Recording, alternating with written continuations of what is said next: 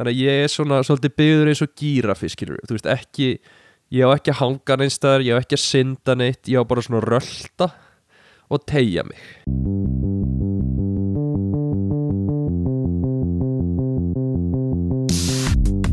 Halló er eitthvað að frétta?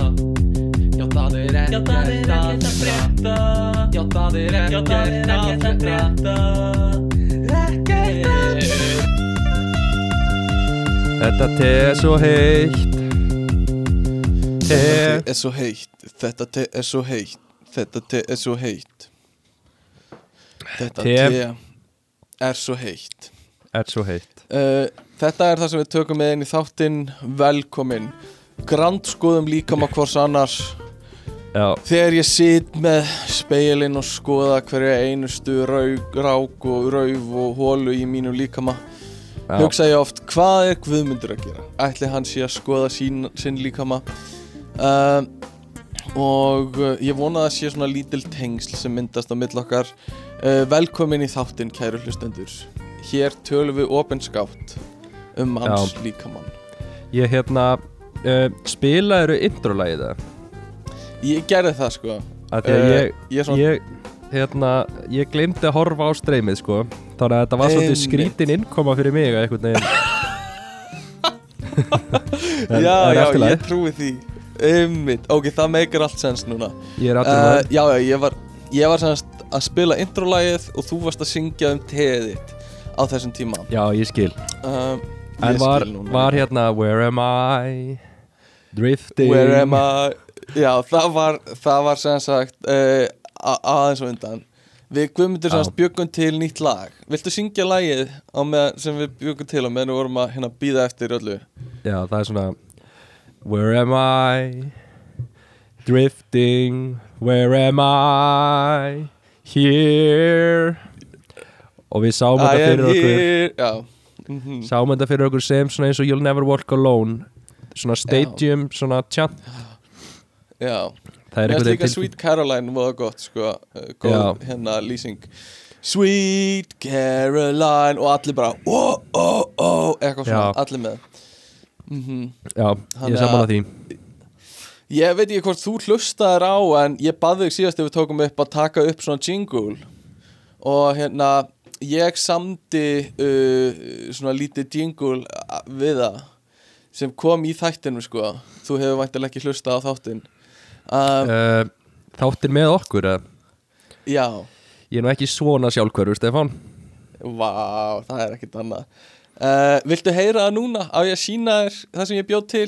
Já, endilega Jinglið sem ég bjóð til Ok, þú ætlar að horfa á strímið og segja mér hvað finnst um þetta meistara jingle sem ég er með hérna uh, sem ég er með hérna að fara að spilast Ertu Ok. okay. reyðbúinn? Ég er reyðbúinn Byrjum við það uh, núna.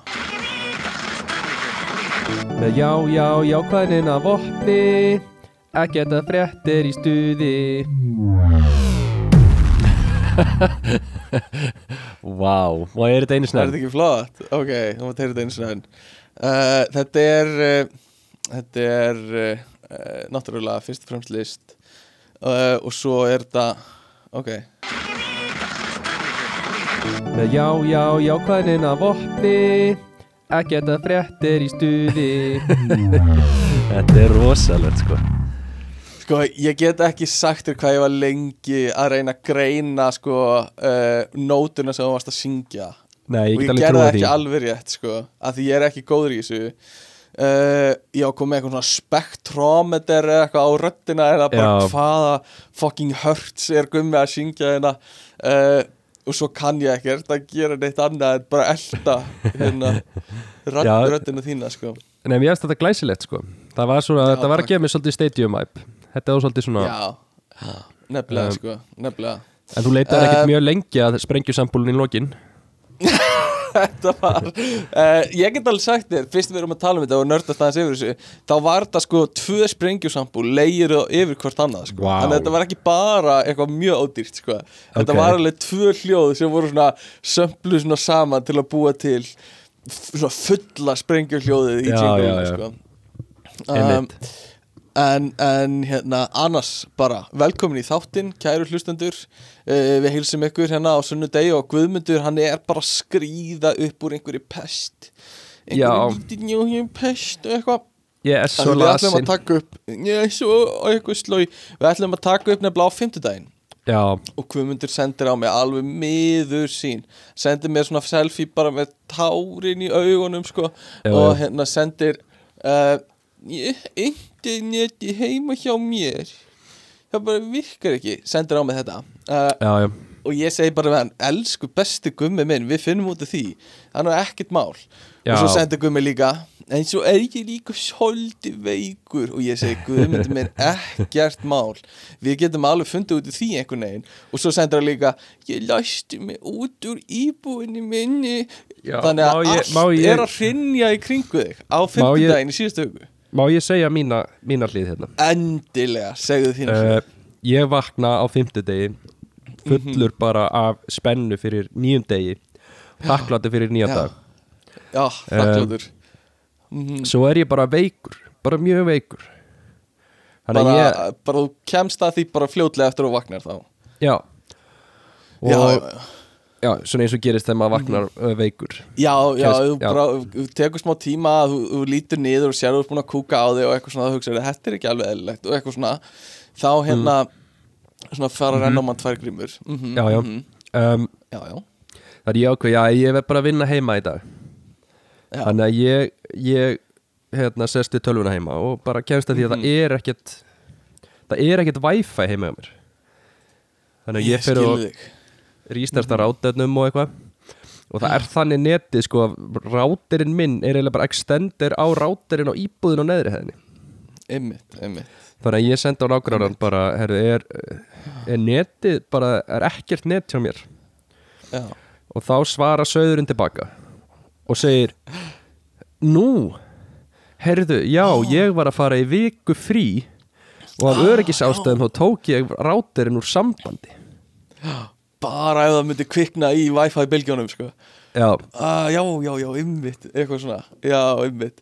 Þannig Ah, að litli hann sauður, sko. skildi mig eftir uh, vika Já. framöndan og, og ekkert wifi. Þannig að en svo næja finnundu og gæi sem er að fara inn er ekki flutturinn. Já, hann er komin með leikil samt. Ó, og ég næ heppilegt. sambandi við hann. Ég, ég senda á hann skilabóð og hugsa að ég fyrir göngutúr og sé hvort það svari á meðan og eitthvað svona Já, já, svo fer ég út um hurðina og um leiðið lókur eftir bara fatta ég bara að ég er ekki með leikil heima á mér. En ég er ekki með leikil til að komast inn til mín. Ég er fár, fár veikur. Fárveikur Fárveikur stendvalla í sko. lappirnar. Uh, já. Og læstur úti og það er rigning og gæin er ekki búin að svara. Þetta er náttúrulega að ég Þetta er hérna, ekki ámannlagt Þannig að þú búið- sendir á mig. Já, senda á þig í eimt Og ég segi, ég segi náttúrulega bara uh, Nú hunskastu til að taka þess saman. Við tökum upp þátt Bara með, eins og með harðri hendi Eins og ég er vanur. Já, já, uh, Eins og mín er von að vísa Bara segi við þig Þú drullast til að taka upp þátt Tek ekki annað í mál sko. nei, þú, Eh, þú, þú nefnilega segir það ekki þú segir það ekki. Mm, heldur segir sem er ennþá, stingur ennþá meira þá segir við mig Ok, okay já, ok, ef að þú er ekki áhugaði að taka upp þátt með mér í dag þá getum við alveg gert það setna það skiptir mig einhver máli. Ef að ég er Eh, svona neðarlega í forgársöðunni þinni þá er það alveg skiljanlegt sko. Já, já. Um, það var það sem þú segir við mig. Einmitt, einmitt, og ég sendi líka svona kall sem uh, uh, ekki með bros á andlutinu heldur með svona bara beintstrygg já, já, já, uh, en nei, sko það er nok nokkur hlutir sem stinga mig í þessari söguðinni uh, það er í fyrsta lagi uh, eins og alþjóð veit uh, þá tek ég bara veikindi það ef ég er veikur. Mér finnst svo magna að þú ert bara eitthvað að vinna heima og eitthvað. Já. að akkur bara tekur ekki bara ringir inn veikan ef þú ert veikur? Sko mm. það eru misst mikilvægir hattar í fyrirtækjum. Já, já og þegar þú ert svona toppurinn á fæðukjöðinu eins og ég þá er ekkit, getur ekki tekið veikit þetta sko. Sko ég verð að segja bara til að gera vinnustæða heilbrigðan við erum konri bara onni sko vinnustæða menningu hérna í þessum þætti þá er það, það átt að gera það átt að gera allt til að verða ekki ómissandi sko. eins og bara Víði Reynir sem þekkir manna best núna hann er að fara í veikindalefi í dag og, og þau enduðu fréttina að segja við reynum að gera allt sem við getum til að gera hann ekki ómiss, ómissandi sko. Já, já, emitt Jú, jú, það, það, er, hérna, að- það er alveg rétt sko. Uh, okay. Já, nei, Ég ég er hérna- ekkert að skjóta. Nei, ég tók veikið þetta um, mm, og var eitt varandi að taka veikið þetta sem fór svolítið í töður á mér. Að ég sendi á fólk og er eitthvað, heyrðu, já, ég bara er veikur heima í dag uh, þú veist. Já, og það sem viðbrunir hjá fólki eins og fyrsta er fundir sem við áttum já ákveður að færa þá fundi eldsnemma í fyrramáli daginn eftir. Já, það er ekki Mér er það it, svona það er svona, það er svona ekki mjög, ekki mjög sensitive finnst mér. Þá verður þú mættur hérna eldsnemmi fyrramálið. Eldsnemmi fyrir máli eða þú ætlar að vera veikur. Einmitt, það er ekki, það er ekki máli sko. Mm og, og hinn viðbröðin eru þegar fólk svarar og segir eitthvað æ, leiðilegt, já, vonum látið þið batna og vonum verður tilbúin fyrir stóra mikilvæga fundin okkar sem er á morgun sem er um framtíð fyrirtækisins. Skiljið, þú færið svona eitthvað þú færið svona eitthvað eiginlega ert að segja að það er eins gott þú verðið samt í þarna á morgun. Já, já, já, og íbarast það Það er umulegt að heyra það sko. Ég er mikill barðmaður fyrir bara hérna taktuðu veikindafrí að þú ert það og bara ekki, ekki skoða neitt sko. En, uh, en já, sorry, við allana ég, Nei, ég sendi þetta bara á því að við frestum bara upptökunum þangar til að við líði betur. Og, uh, og hérna uh, við gerum það. Og, og við, þú kemst einhvern veginn inn í íbúðina þína. Það er semast íbúð við hliðin á pítsastanum sem er fyrir neðan þig. Eða hvað, já, það er bara sem sami er gangur wifi sko. íbúðin. Já, bara sami gangur. Ég er penthouse, þetta er fyrir neðan mig svo pizzastæðurinn Ummitt Já, og svo pizzastæðurinn, ymmit Ymmit, allavega, þú, þú ert komið með net og þú ert komið með uh, leikilega íbúðinni inn Hvernig komst þið inn í íbúðina? já, ég ert að labba labba fyrst í endan á Delft til þess að Já. sækja líkilinn til þess að gæja sem að var þar í skólanum eða eitthvað Já, en hann sagði mér að líkillin væri ekki hjá sér fattaðan, heldur væri hann í Oh. íbúðinu sinni þannig ég ert að fara að hitta kærustun hans á öðrum stað í Delft og, og grenjandi rigning og ég fár veikur Veikur, fár já. veikur Fárveikur, það er bara svona síður af þér að þið Já, henni svo já. hár, sko já, Ymmit Ó, hvað er umulegt Heyrðu, allavega Hérna, þú kemst inn og við náum að taka upp og það er allt gott að blessa núna Já. uh, Er það ekki? Eða hvað? jú, jú Hvernig líður? Hvernig er hilsan? ég er náttúrulega bara fár veikur sko um, Já, en einmitt, mamma ámæli. Já, til hann ekki með hana. Já, takk fyrir það. Ég svona, hefði kannski einhvern veginn vilja að þú myndi vita að mamma ætti ammæli Jú, ég með þetta skrifa hjá mér sko. Uh, einhvers staðar, ég fór einmitt að hitta hana áðan og, og við áttum mjög góða stund saman. Það er nefnilega bolludag sunnudagur núna þegar við erum að taka upp. Og uh, það er búið að vera mikið boll, bollað í dag. Við. Ég ætla að fara og, og á eitthvað pop-up hjá hérna e e Elinóru bakara. Eða, e, no, já, Ó, þú ert svo mikil miðbæjar rotta. Ég veit það þú þarf eitthvað Og- pop-up, og- einhver alternativ rjómabólu Já, einhverjum svona alternative rjómabólur sem eru með rjómanum utan á og bólunni Já. inni og eitthvað svona. Og þetta er svona Um, invite only event eða ekki? Já, er bara kreðsam. Invite only. Já, Bara þessi þekkja.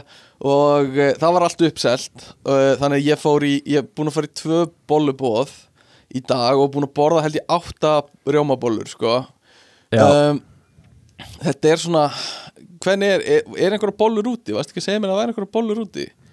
Eitthvað- Nei, það eru Nei. nei, nei, það er ekki, ekki engi bolludagur hérna sko Ég Nei, nei, átti samt samtali vinnunum daginn um bolludag Mm. Var ég að tala með þetta? Ég man, já, mögulega Ég man ekki alveg hvað varst að segja Nei, að ég allavega að fólk var að lesa um hátíðstag á Íslandi og skildi ekki neitt það var bara að þið borðið einhverjar rjóma bollur og Já. er það búið til vendi til að flengja fóreldri og bara svona þetta Já, er eitthvað einmitt. algjör eiga hátíð að vera að flengja fóreldra sína til að fá bollu. Já, einmitt. Þessi vendir hafa eitthvað minkað sko hjá mér í, í mínu lífi undarfarið Það er meira bara bollan sko sjálf og svipa. Já, svipan. Svipan er komin í staðinn og, og hérna rauð, rauða bollan, latexbollan fyrir upp í, upp í munn og, og hérna og öryggis orðið er þeittur jómi og eitthvað svona. Um, já, já, já en já, já, já. En hérna, uh, já það er semst bolludagur. Uh, hvernig færðu þið þína bollur? Bara svona? Venjulega, mm, vastegsbollu Rjómi. Segja þetta hægar segja þetta hægar, svo ég geti mm, Karamellusósa karamellsósa Já, ég er karamellusósa og dæmaður sko. Já, ok. Ég, ég, ég fíla það sko. Ég er líka Ég er samt basic bitch sko. Já. Bara súkulaði, sulta, rjómi. Uh, Ég ég, vil- skil ekki fólk sem fær sér gerbólur sko. Það er eitthvað svona smá Nei. siglust sko. Það er það sko. Eða hann Mm. að sænsku, hvað heitir það, selvur Selmur, hvað heitir það Selmur, já það Selmur uh, Selmur Björns, já, einmitt Og Eh, já, ég skil Nei, er það ekki, sko. selmur? Ég ekki veit Selvur? hvað þú ert að tala um sko Nei, kannski Ég er það bara ekki hugmynd. Það er eitthvað, heitir eitthvað sænsku hann og það er rosa svona Æ, eitthvað lið sem verið lækni svo í Svíð og kemur til Ísland svo er eitthvað, já við erum reynda Mm. með svona meira cultural heldur en þið Já, komið með svona smá sænskan hreim í íslenskunni Já, sinni Já, við erum með svona Já. smá svona sænskar bollur hjá okkur. Sko í Stockholm Eitthvað. þá er þetta bara hverjum einasta helgi. Já, Sko, Stockholm er svo indisli borg. Já. Það ættir að prófa að fara þanga þetta er alveg, þetta er alveg óþólandi um, mm En við erum ekki þar sko. Ég vil líka helst sko Ég vil að bollan sé uh, Þú veist, þetta á, þú átt eiginlega ekki að tyggja hana. Þú átt svona Um Já, leiður, þú veist, Einmitt. búin að borða hana Í fáum bitum, þá átt eiginlega að gleyma því Að þú hafi verið að borða bollu, skilur Hún á að vera svona, já, já. þú býtur í hana og það svona hverfur upp í þig, þú átt að soga þér Mhm. bollu. Þetta á ekki að vera, Já, og þetta er svo að borða bollu með hníf og gafli Er, þú veist, skilur Þetta á að vera svo kandifloss. Já, já, já, ég er smá gildi með nýja gaffal, sko. Uh, ég, ég geri það stundum. Já, já. Uh, Ég líka hef aðeins verið að hugsa hvort það er ekki hægt að nota þessar vastegsbólur í eitthvað meira en bara rjóma dót, sko Þú veist, að setja kjötsúpu eða eitthvað svona inn í rjómabólu og vastegsbólu, sko. Uh, Þannig að við getum svona vikað aðeins þetta íslenska hugtak sem er bollan, sko. Uh, uh, Majónesbóla til dæmis með, Nú- með svona káli og einhverju. Nei, Majónes- er, bollan er bara káli. svo vond. Hún er bara einhver svona, skilur mm. Þetta er svo þar inn í sushi. Þetta er bara container fyrir rjóman, skilur Þetta er það, þetta er það nefnilega. Þar er í sushi, já, já, þetta er bara containerinn sko. uh, Við vorum að, ég var líka að ræða þannig í dag um uh, svona íslenska, ég veit ekki hversu íslensk það er, ég held að það sé íslenskt en svona brauðrétti. Ah, og svona já. fermingarréttina sko. Uh, og aspas er Ah, kongurinn í því. Alveg, mér dreymir um það. En hérna en svo eru þessi sko hráu innan gæsalappa brauðréttir sem eru svona brauðtertur sem er þú veist bara bara brauð og svo er majónes og svo er Já. bara allt sem þið dettur í hug. Uh, Og ógeðslega er gott til- Ostur. Mm nefnilega sko.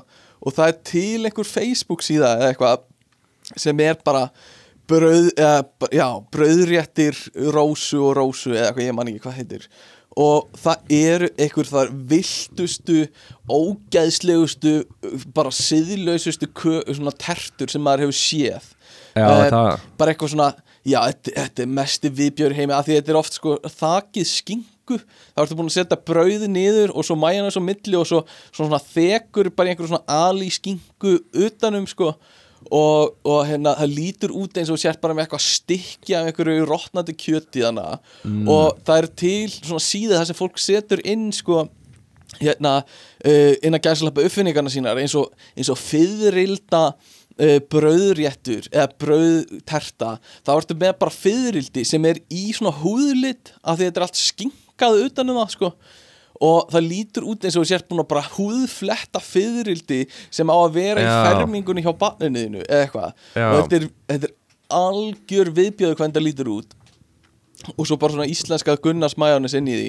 Uh, en þetta er gott sko. Og þetta er sérstaklega gott á fermingardiskunum þar sem þú ert með svona súkulaði köku pluss brauðréttur pluss aspasréttur pluss eitthvað svona, eitthvað svona kjúklingur sem er þakin í einhverju súrsætri sósu og þetta blandast allt saman á diskniðinum og þú fær svona smá súrsæta sósu með já. eitthvað svona.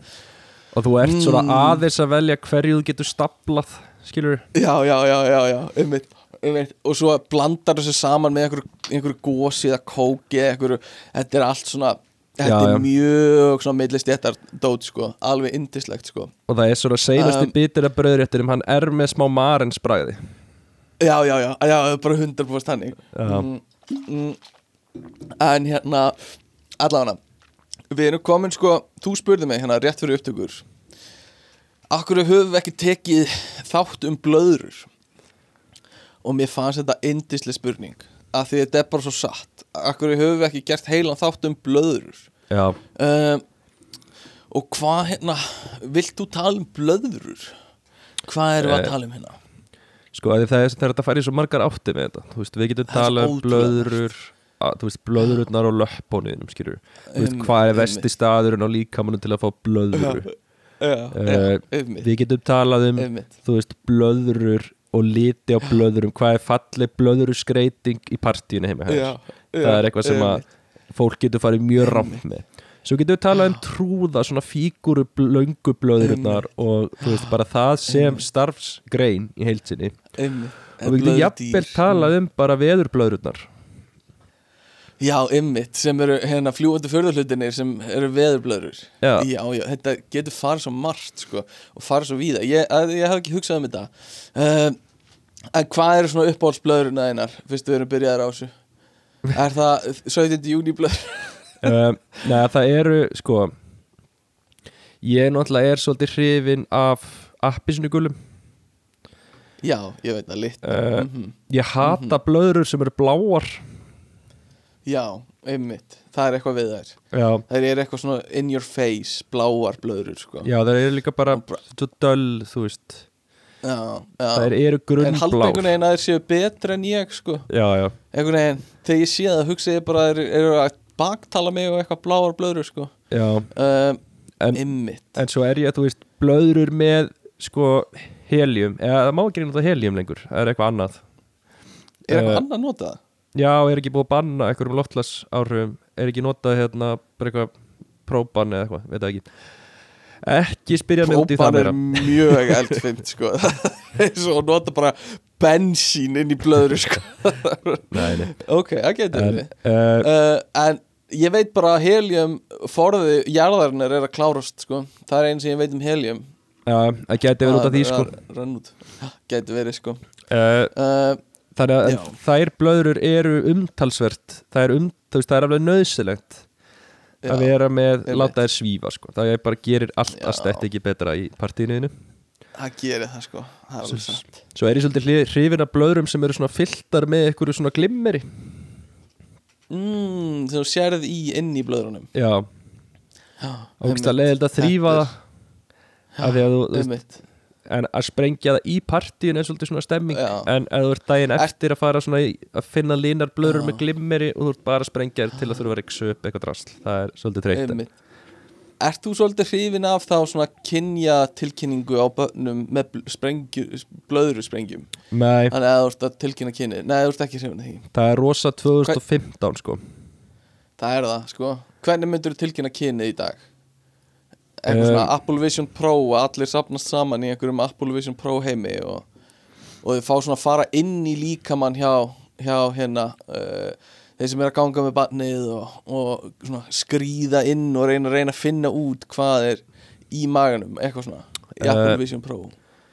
Nei, en þú ert búin að hugsa þessa pælingu alveg í gegn Ég elska, ég bara Elska Segðu Apple. mér gera meira því Skrýða inn í fólk í Apple Vision Pro.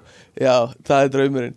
Uh, Nei, en þetta var náttúrulega að koma á markað í vikunni. Ég, ég man ekki hvort við höfum talað um þetta eitthvað. En uh, hversu spenntur ertu fyrir Apple Vision Pro? uh, Sýndar veruleika glerjónum hjá Apple. Ég Mér finnst þetta svona veist, Ég hef ekkert að gera við þetta. Nei, nei. Þetta er alltaf Þú hefur séð rándýrt myndbönd Já, Já, uh, Og- og það ræðir mig að við séum einhvern veginn að hugmyndir sé að fara að líma á andlitið á okkur. Þegar mm, við líður þess að sé nógu mhm. mikið vandamál að vera mikið í símanum núna. Já, einmitt. Og ég Einmitt. hata að vera með sko sveppgrímuna mína. Ég get ekki sofið með sveppgrímu þannig að ég er ekki að fara að vera með eitthvað hálskíló að unit framan á mér allan daginn sko. Nei, einmitt. Þetta er þig. ljótt, þetta er ekki töff. Það er ekkert töff þetta, finnst engum þetta töff Mhm. Eina sem ég Mhm. sé er ef þetta verður eitthvað svona framtíða pæling kannski fyrir vinnustæði að þeir verði meira eitthvað svona þú veist, Já, eitthvað það er cyber ekki- stemming á vinnustöðum Þetta er alveg magnað, það var í vinnunni minni Ég þarf að fá þitt teika á þessu sko. Er hérna Já. Við vorum að, það er einhver svona pæling að byrja með eitthvað svona virtual office líka sem er eitthvað Já. svona 8-bit uh, svona uh, tölvuleikur eigilega þar sem þú ert með eitthvað svona avatar sem þú getur labbað um með eitthvað svona rými uh, og sett þig við skrippborðið þitt og, og merta og sért að vinna við skrippborðið þitt og, og það sem þú þarft að gera þetta er bara svona vafri eða, eða forrið sem þú getur downloadað í tölvuna þina og þú þarft að leifa því að hafa aðgangað sko, myndavilniðinni og hljóðnefanaðinum basically alltaf og svona mest immersive pælingin er að þá getur verið að labba um í þessum virtual skrif, skrifstofu í tölvuleiknum labbað upp að einhverjum og þegar þú ert komin upp að einhverjum þá kviknar sjálfkrafa á myndavilin og mæknum hjá honum eða henni Nei. Og, og hata hérna, þetta. þú getur byrjað að tala við viðkomandi Já. uh, og þú veist, þeir segja öll eitthvað svona þú getur bara slögt á myndavælinu og, og mæknum eða þú vilt það, eitthvað svona en, en pælingin er samt svo sama það er að þú veist, þú átt að geta labbað upp að einhverjum og, og tala við þau og þú veist, þau eiga líka að heyra í þér eða þú lappar upp á þeim og eitthvað svona hei, hérna, gummi, eh, veit ég búin að sjá þetta eitthvað svona, og þá ertu allt í henni bara Já. mættur inn í heyrnatólið þeirra uh, þannig að uh, það komið á þann stað að þú, þú, það er ekki nóg að vera með eina skrifstofu á skrifstofunni þinni skilur, það er ekki nóg fyrir mig að fara upp á skrifstofu, heldur þarf ég líka að vera með einhverja virtual skrifstofu þar sem ég þarf að lappa í matsöluna eða, eða mötuneytið fyrst inn í tölvuleiknum til þess að signala að ég sé farin í mat og svo þarf ég að lappa í mat í alvörunni. Já. Nei, mér finnst þetta alveg uh, pæling sko Já, það er allir, það er, fólk er voða spennt fyrir þessu upp í vinnu. Það? og hérna, já, alveg svona lúmst sko, En þetta er bara, þetta var að byrja sko, ég efast um að þetta endist. Uh, en sjáum til. Og hérna, er, er líka svona, svona screen sharing þannig að ég get svona að lappa upp að þér bara til að horfa hvað er á Já. Uh, pottþétt sko, ég hef ekki kynnt mér það, en það hlýtur að vera eitthvað svona screen sharing, en það er, það er ógislega fyndin, fyndin pæling sko, að geta bara lappað upp og skoða skjáin hjá einhverjum. Uh, en, en mér finnst þetta að vera svona milliskref yfir í eitthvað sem Apple Vision Pro er að fara að bjóða upp á í framtíðinni. Þú veist, þá eru bara setur á þig glerugun og ert bara mættur á skrifstofuna þeina sem er á tunglinu og þú sérð alla hina sem vinna með þér sem eru með þessu ógeðslega artificial andliti sem þú skannar í símaneðinum inn í Apple Vision Pro dótinu sko. Uh, já, sem er svona, uh, svona smá uh, surrealist pæling einhvern veginn að vera stattur í þannig skrifstofur í mig sko. Uh, en já. eins og þú segir, það gæti verið, það verið framtíðin fyrir þetta sko. Já, hvað segir eitthvað að frétta hjá þér? Eitthvað, eitthvað sem er að gerast uh, Já, byrja hann að þátt kannski. Bara hvað er að frétta? ekkert. Já, ekkert, velkomin. Uh, Það er ekkert að frétta Og uh, við ætlum að, að byrja þannig að þáttu Og já. Hvað er samt í alveg í gangi í þínu lífi? Það er bara, ég er bara búin að vera ógeðslega veikur. Það er eiginlega bara það sem búið er þetta flensa? Þetta er flensa sko. En annars svona Svo er alltaf að fara á haus í vinnunni. Uss Það er Uss, hérna, uss, það er allt. Þannig að ég er bara búin að vera að vinna ógeðslega mikið. Þannig að ég er svona Æ, uh, æ, æ, æ, æ. Þannig að ég held að maður fari bara svona bráðlega að segja upp. Það er svo gott að vera í íslensku podcasti. Að þessum enginn í vinnunni getur skilið sko, Já, og já. sagt svona hluti um mitt uh, Já, er það alvöru hugmynd? Á þess að við þurfum að fara eitthvað Já. oftjúst út í það Já, ég held það Já. sko Ég held að sé bara Það sé bara komin tíma á það skilur Það er bara, Já, það eru svona Núna er það svolítið áhört að Í Mm. fyrirtækir eins og mínu að svo er búið að fara í gegnum uh, uh, Það sem er búið að segja upp mikið af fólki mhm, Og svo kemur svona tímabil Og þetta er fyrst get ég upplifi Ég er búin að upplifa all, allt ferli í þessu já Það kemur svona fyrst er sagt upp fólki sem allir eru svona Ó, nei, glata. Mhm, Hei, en við góða fólkið við erum eftir að því við erum best þannig að verður eitthvað svona smá samstæði því. Já, já. Svo er farið í annað ránd af þessu. Og þá er aðeins meira svona ah shit, þú veist, núna, veit, núna verður alveg bilað að gera hjá mér. Og, og svona vottur af nokkrir sem eru svona hei, en koma, núna er tækifæri fyrir okkur að sko raunverulega standa okkur. Það er eitthvað við svona, að því ég er í svona fyrirtæki sem ég talaði um á þau, sem er svona kúltúr fyrir, við erum ein stór fjölskylda menning. Já, já, já þannig að það eru svona klappstýrur innan fyrirtækisins. Ég hef aldrei skilið hvernig getur verið svona ofbáslega spenntur fyrir verkefnum sem þú ert bara að fá laun fyrir skilur Já, Þú átt ekkert. sko. þannig að, Nefnilega, sko. Þannig að ég skil nefnilega málið, sko Það að sem ég heyri er eitthvað svona Þú vilt byggja upp frama Eða eitthvað svona. Það er eins og Já. hefur er orðsporið þitt Eitthvað svona Og þú vilt skila þér góðri vöru Tengdi því og eitthvað svona. Sko, um, já, ég held að það sé að ég er með teika þetta. Að því ég líka, ég vil byggja upp frama og ég vil vinna í ykkur og ég er spenntur fyrir því sem ég er að byggja því ég er stoltur af því sem ég er að gera. Já, þannig ég Já. tek þeim part alveg en ég held að þetta sé meira sko þetta er meira fólk sem sér Mhm. ekki alternativ stað til að fara á þannig að Já. þetta er svona meira þú ert mótiður fyrir framæðinum og svolítið mikið hrættur við ef að þetta gengur ekki, hvað gerur þá einmitt á með að ég held í okkar fæi þá eru aðeins meiri valmöðlugar núti þannig að þú veist Mhm. að byggja framann og vera stoltur því sem þú gerir þú getur gert það örugla á tíu öðrum stöðum sem myndur ráða þig í næsta mánuði skilur Já, einmitt Það er bara pottið, sko en, Áhugavert. en núna er ég að taka eftir þriðja fasanum sko. Og Ok, ok. Það er þegar það eru svona kanónur innan fyrirtækisins. Mm. sem eru svona einu eftir annari einhvern veginn far, farin að tínast út uh, og svona já, æ, núna ætlar þess að hætta. Og þetta er svona einhver sem er búin að vera svolítið flaggberi fyrirtækisins. Þannig að þá fær maður tilfinningur sem er svona ok, þú veist núna er, þú veist, þetta hlýtur að vera upphafið af endinum þegar þetta fólk er að fara skilur Já, einmitt, áhugavert.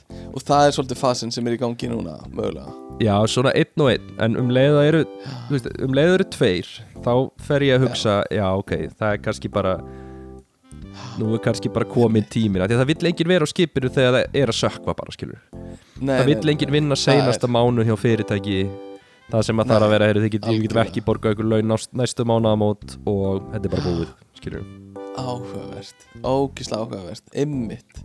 Já, það er, það er málið sko Og það er örgulega mjög áhugavert að sjá alltaf þess að fasa.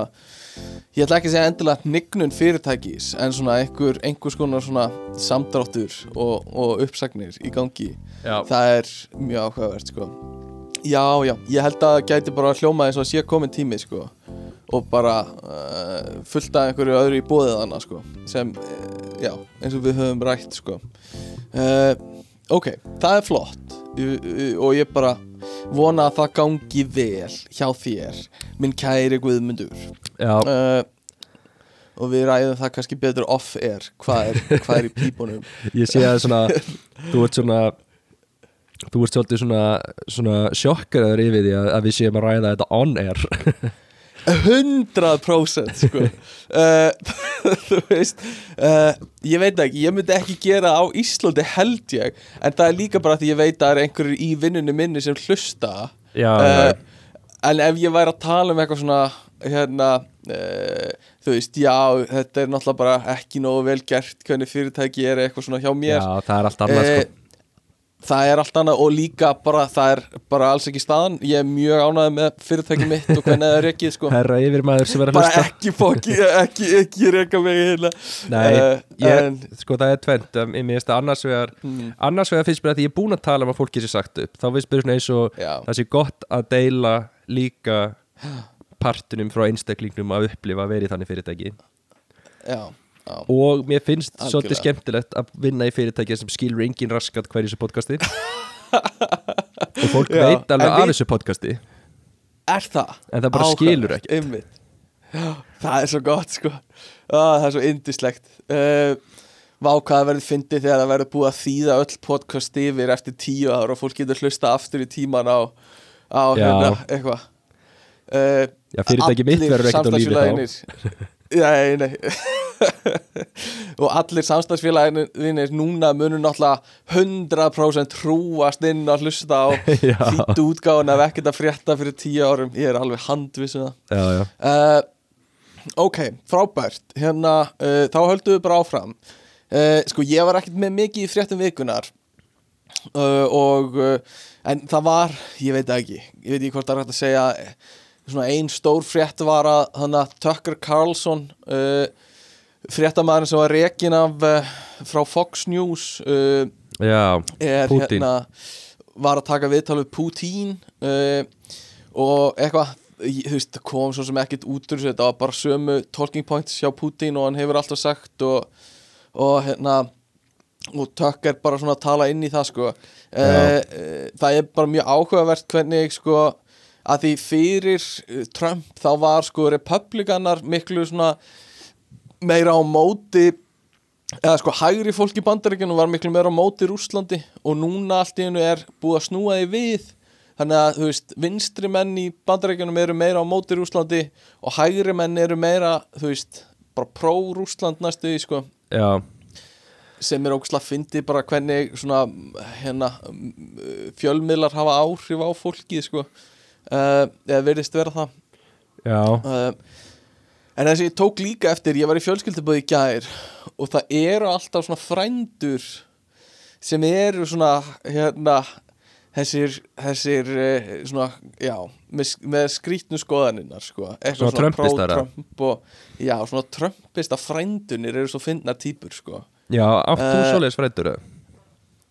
Já, sko, ég á engan frænda sem er held, einhver svona hægri manneskja sem er ógæslega að finna að segja eins og einhver svona sjallar. En, en hérna, meira svona öfgakommar er kannski Já, meira já. svona það sem, það sem ég er að vinna með. Og Rússland er náttúrulega kommunistaríki þannig að þú veist, Já, það er svona meira súnálgun á það sem ég er að, að kannski hef, hef séð aðeins. Um, eru svona, já, kommunistar sko, gamli social kommunistar einhvern veginn er það, þú veist, Eh. er, er þetta þá svona, svona svolítið landsbyðin eða? Nei, þetta er fólk sem bjó í Svíþjóð og eitthvað svona uh, Ó, þetta er svona en- Georg Bjartfriðarsson Já, þetta er svona Georg Bjarnfriðarsson meira sko Og þegar þú tala við þetta fólk skilur Ég er ekkert að reyna að berjast Við svona fólk Já, já. Vist, Ég er algjörlega frá því að vera að reyna að rökgræða eða vera að reyna að snúa einhverjum skoðunum skilur, þetta er Já. fólk sem er komið bara í áttræðisaldurinn bara orðið 80 ára. Uh, þannig að þú, þú ég, maður græðir ekkit á því að vera að hérna, uh, vera eitthvað svona nei, það er nú ekki alveg rétt hjá þér skilur þetta er, þetta er nú eitthvað svona sem fjölmjölar hafa nú bara verið að segja og maður veit eitthvað svona bla bla bla. Maður be- meira bara svona, já, er það ymmið, Já. já, já, já, já. Ymmið, það, já. Mér veist sko, þetta er svolítið áhugavert af því að það er eins og með fólk yfir höfuð að það er Mm. ákveðin partur á samfélaginu sem er eiginlega of upptekið til þess að mynda sér alls konar svona skoðanir. Mm, mm, Ég held sko fólk myndli tvítugs og svona 35 upp í fertugt já, það sem allir Já. eru bara alltaf upptekni við eitthvað að ég er að klára námið að byrja í vinnu eða eitthvað spönn eða að kaupa hús eða þú veist það er eitthvað svona keisla á öllum og einmitt, það er búið að einmitt. lítið að fólki sem hefur skoðanir svo um leið og þú kemst yfir þann hjalla þá verður þetta bara Mm. svona gradually meira og meira fólki sem Já, er og með svona fullbótaða skoðanir svona. Já, já, einmitt Og það er erfitt að reyna að breyta því sko, sérstaklega eftir svona 30 ára einhverju grasserun af einhverjum skoðunum sko. Já, um, það er málið að það er, fólk er búið að vera að byggja upp þessar skoðanir í 30 ár. Já, og svo hefur Já, aldrei sagt neitt og svo núna er það eitthvað, núna ætlum ég að láta til mín taka. Og þá er 30 ára skoðunin þín orðin bara soldið gamaldags pæling já, já, nefnilega sko. Ú, Nefnilega og hérna en, en þú veist Já, þessi frændi minn hann, þú veist Hann vill bara Ísland er úr NATO. Já, öruglega sko og hérna uh, þú veist, ég veit ekki hvað maður á já, hvað maður á að segja þú veist, líka, þú veist ef ég ætla að fara að rökraða eitthvað skilur þá heyrir hann líka bara illa skilur, þannig að, þannig að þú veist ef ég ætla að segja eitthvað svona Já, en varstu búin að kynna þér nýju rannsóknarskísluna hjá og svona eitthvað bla bla bla og hann Já. bara, hann segir, að, hvað segir eitthvað svona, þú veist, þannig að þú veist þó að ég myndi vilja það, sem ég vil ekki að fara eitthvað svona í alvöru rökræður þá bara virkar það ekki. Eða þú veist, það bara, bara ég er ekkit vissum að hann meðtaki það sem ég er að segja. Uh, líka bara því svona kynnslóðin er öðruvísi. Ég er alltaf þekkja Um, líka þegar ég er að rökraða við þig um eitthvað Það er svo erfitt þegar þú segir alltaf við mann Ertu búin að kynna þér nýjustu skýslu rannsóknar nefnd ríkisins um þetta málefni sem þú ert að tala um núna? Það er svo erfitt hvað þú ert vel heimildaðir þegar kemur að það bara, ég veit ekki hvort ég tekið undir það að það sé satt uh, en hérna varstu búin að skoða rannsókninni á félagsvísindasviði sem var um fréttalæsi hjá ungu fólk, nei, en alls ekki. Uh, já, ég veit ekki en það er oft bara eitthvað prump hjá mér held ég, ég veit ekki. Uh, ég er, ég held að sé alveg öruglega glata að vera vinu minn sko ef ég fer í einhvern svona gýr eða þú veist, að ég hef oft talað við sko bróði minn og hann er líka svona þú veist, Já. hann verður alveg það er alveg bara, þú veist uh, þeir sem er að gera þetta svona eru bara fucking heimskir skilur, þeir eru Já. bara þú veist, bara það er ekkert þú veist, það bara, þetta er svo borlíkjandi, bara hvað eru það að fucking pæla eitthvað svona og, og hérna að, við, að þú veist, geta bara svona steamrólað og maður kemur eitthvað svona reynir að malti móin við bróðum minn og hann er eitthvað svona þú veist, nei, það bara hæ, hættu þessu, skilur, bara eitthvað svona bla bla bla. Og ég held að ég eigi alveg til að vera líka bara svona, hérna ekki gaman að rökraða r- eitthvað, bara leiðir að ég veit það ekki, veit ekki hvað ég er að reyna að segja hérna. Sko, þessi stíl af því að færa fram rauk fyrir ykkur sem að þú ert að lýsa er svolítið líkur hörðum trömpistum að mörguleiti að mörguleiti, sko. Og líkt. Trump að mörguleiti þar sem að þú ert sko þú mögulega ertu bara opbáslega góður í að færa rauk fyrir málefni einmitt, einmitt án þess að í raun og já, veru 100%. þú veist, skipti, skipti máli hvað málefni er Já. eða hver, hver, hver punktur Einmitt. þinn er sko. nefnilega sko og, og bara ert góður að tala sko uh, ég veit ekki en ég, ég vona, maður vonar það alltaf að maður, ég reyni að horfa á sem flestar hliðar og taka það með í reikningin, skilur ég rey, maður reynir það alltaf uh, en svo ef við erum bara rökraði um þú veist hvað keks er best skilur, þá er, ég held að sé kannski meira í þannig rökraðum, þá, þá er ég kannski bara eitthvað svona uh, já en þú veist það er ekki best. Havrakeks með rúsinum er best skilur, það er bara þannig. Uh, Oreo með hvítu súkulaði það er bara ofsætt skilur, það er bara, það er ekki hægt að færa rauk fyrir að það sé ekki ofsætt, eitthvað svona bla bla bla. Sko, ok. Um, uh, þetta er alltaf mjög rámt hjá þér. Og ég veit þú veist það sjálfur. Uh, og keks á að vera sætt sko af því að fyrir venjulegu fólki Einmitt. þá er keks eitthvað svo Já. færðir svona eins og að fá þér nammi. Þetta er ekki bara sko eitthvað millimál sem ert að jafla á allan daginn eins og einmið á þér sko. Nei, það er bara ekki þannig heimi á mér. Ég vil bara taka það fram. Ég borða keks einn seint á kvöldin. Uh, á nærbuksunum við eldúsborðið mitt með glas af mjólk og heilan kekspakka Hvað, uh, uh, ertu ekki svona að horfa á eitthvað uh, Jú, yfirleitt. Með tölvuna á borðinu kannski eitthvað svona. Akkur borðar ekki upp í Eh, sófa? Mátt ekki borða keks upp í Að sófa? ég er með Nei, bara með mjólkuglas Ég vil að þú hafir ímyndina af þér í hausnum að hvernig ég borða keks. Ég er á nærbuksunum, hókin yfir eldusborðinu með stórt mjólkurglas og heila kekspakka Mér finnst Um, gaman á svona líði eins og þú þurfir að stilla upp fyrir mér, mér mynda þér að borða keks þegar ég hef orðið af Já. þessu bara, bara mörg hundru sinnum. Já, en ég borðaði ekki mikið keks eins og fyrir framann annað fólk sérstaklega til dæmis í vinnunni. Þú veist, ég hef borðað keks fyrir framann góða vinu mína uh, en hérna Já. en þú veist, keks er rosa svona intimate stund, sko. Skilur, það er bara, Já, þú já, að kekspakkin er bara nafnið æfisugunum minni uh, einhvern veginn, skilur. það er bara, uh, þetta er ekki eitthvað sem þú gerir, ég fer ekki í keksskúffuna mikið í vinnunni, sko. Nei, nei, nei. Þú vilt ekki ekki er gera þetta í einhverju þú þarft svolítið svona að ná þér niður áður og byrjar. Já, ég vil ekki gera þetta í einhverju brýjar í einhverju framhjólaupi að fá mér einhver keks Já, og ekki að þú veist njóta þess eins og ég að gera og, og hérna uh, þurfa að setja stopp eftir tvö keks skilur Já, uh, já, ef mér langar svo í meiri keks og það er ekki alveg samþykkt að fá sér fleiri keks eitthvað svona, þetta eru alls konar svona litla og reglur. það einhvern veginn flæðið er off. Uh, flæðið er off í keksinu sko, það er alveg the worst Það er sko. eitt, þú ert að sóka Uh, eitt á meðan þú ert að tekja annað, eða ekki? það er flæðið, skilur, jú, það er flæðið þú setur nokkur keks út í mjölkina Já. tekur þau, þú veist og, og hérna, þú leifir hinn að sóka og meðan þú ert að borða eitt og þá er það orðið fullkomlega sóka, Já, já. þá set, fyllir á mjölkina með því að setja annað keks onni og tekur hitt sem er orðið sóka, skilur, þetta er alveg Já, uh, þetta er svona bestunarferli, sko um, allavegna hérna, keks út ég, man ekki eins og ég, ég veit ekkert hvernig við fórum að tala um þetta. Uh, en það sem við ætluðum að ræða í dag er uh, þáttur sem uh, fjall, eða, sko, við ætluðum að ræða um mannslíkamann. Já. Og hérna það er eitthvað sem þú þekkir svolítið vel. Mjög vel. Þú hefur nú búið í líkama í 28 ár. Og ekkert litlum Að líka verða. sko nei, Að var verða- hann alltaf svona stór? Ég er náttúrulega að verða 29 ára, bara taka það fram. Já, ymmið, 29 ár. Eftir, eftir hvað, 14 daga, tvær vikur? Já, uh, verður þú 29 ára. Uh, allt of fucking gamall. Já, já. Uh, hvernig hefur svona samband þitt við líkamaðin verið í gegnum þessi 29 ár?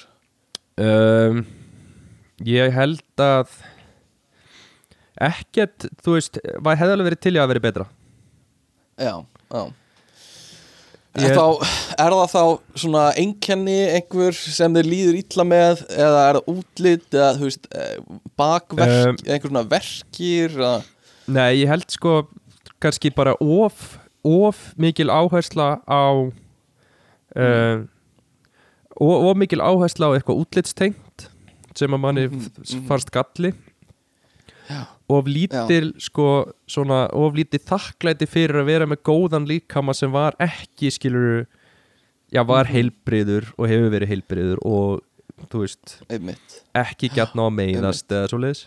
Of lítið Ég þakklæti fyrir þann part. Mm -hmm. og já, og svona yfir höfuð of, bara svona of neikvæð fókusiruð Mhm. sín á líkamin Já, ég skilu þig. Já.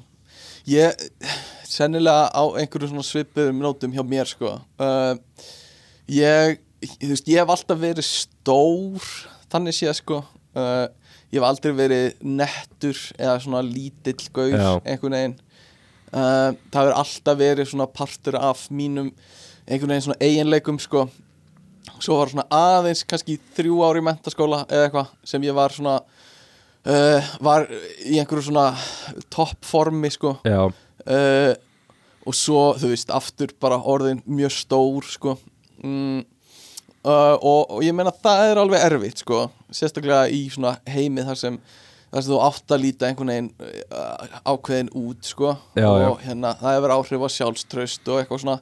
Um, ég hef samt einhvern veginn náð að gleyma uh, einhvern veginn svona þessum einhverjum áhyggjum af útliti líkaðum míns uh, svona se í seinni tíð sko.